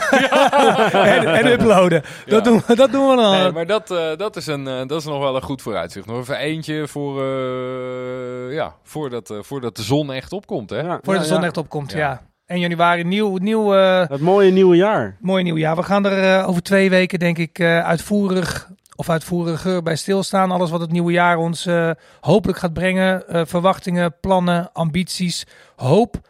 Uh, Alles gaat weer open in 2021. De bloemetjes gaan weer bloeien. De cafés gaan weer open. De kappers. Alles. Alles. Alles. Ja, en we hebben er toch zoveel. Ik heb er zoveel zin in dat het gewoon ook weer kan en mag allemaal. Ik mis het wel, begin het wel te missen. Het café. Ja. Het samenkomen ja, joh, we zijn er natuurlijk allemaal hartstikke dingen te doen. Ik kan er gewoon uh, goed. Uh, maar ik, ik voel ook echt dat het er weer aankomt. Weet je wel, ik voel gewoon dat het, dat het gaat gebeuren. En dat is, dat is toch ook wel weer heel fijn om naar uit te kijken. Ik denk wel dat het een uitgelaten jaar zou kunnen gaan worden. Ja, de, de nacht is het donkerst vlak voordat de zon opkomt. En uh, zo kijken wij in ieder geval naar, naar volgend jaar met, met een opkomende zon en hopelijk heel veel ja, vrolijkheid, blijheid, positivisme, uh, verbroedering vooral ook. Ik hoop ook echt dat we in het volgende jaar, maar nogmaals, we komen er over twee weken wel op terug. Uh, dat, we over, uh, dat we volgend jaar ook weer, weer veel meer tot elkaar gaan komen. en minder tegenover elkaar komen te staan. Um, maar nogmaals, we, we, gaan, we gaan er over twee weken gaan we er nog eens, nog eens uitgebreid over hebben. We gaan, we gaan met die overdenking gaan we nog een laatste drankje drinken, denk ik. Ik, ik gooi er even een Oh? Een lekker vrolijk muziekje bij. Ja, want als we toch over uh, positivisme hebben, dan uh, don't worry, be happy voor dit moment. Terwijl, uh, terwijl er een, een drankje wordt, wordt ingeschonken door, door onze Dolf. Ja, en dan kijken we terug op een, op een leuke aflevering met Sanne, Sanne Bokker natuurlijk. En ja, Check onze socials op Verzanten, de Instagram, Facebook, om op de hoogte te blijven van de komende uitzendingen. En uh, je kan natuurlijk ook altijd de vorige af, uit, uh, uitzendingen, afleveringen, afleveringen terug uh, luisteren op, op Spotify. Ja, of op een, eventueel ook nog een andere streamingdienst. Die heb ik zo allemaal niet bij de hand, maar er zijn er meer. Maar Spotify is wel een beetje overal, de go-to place. Eigenlijk staan we overal. Nou, nou dan komt er hier een drankje aan.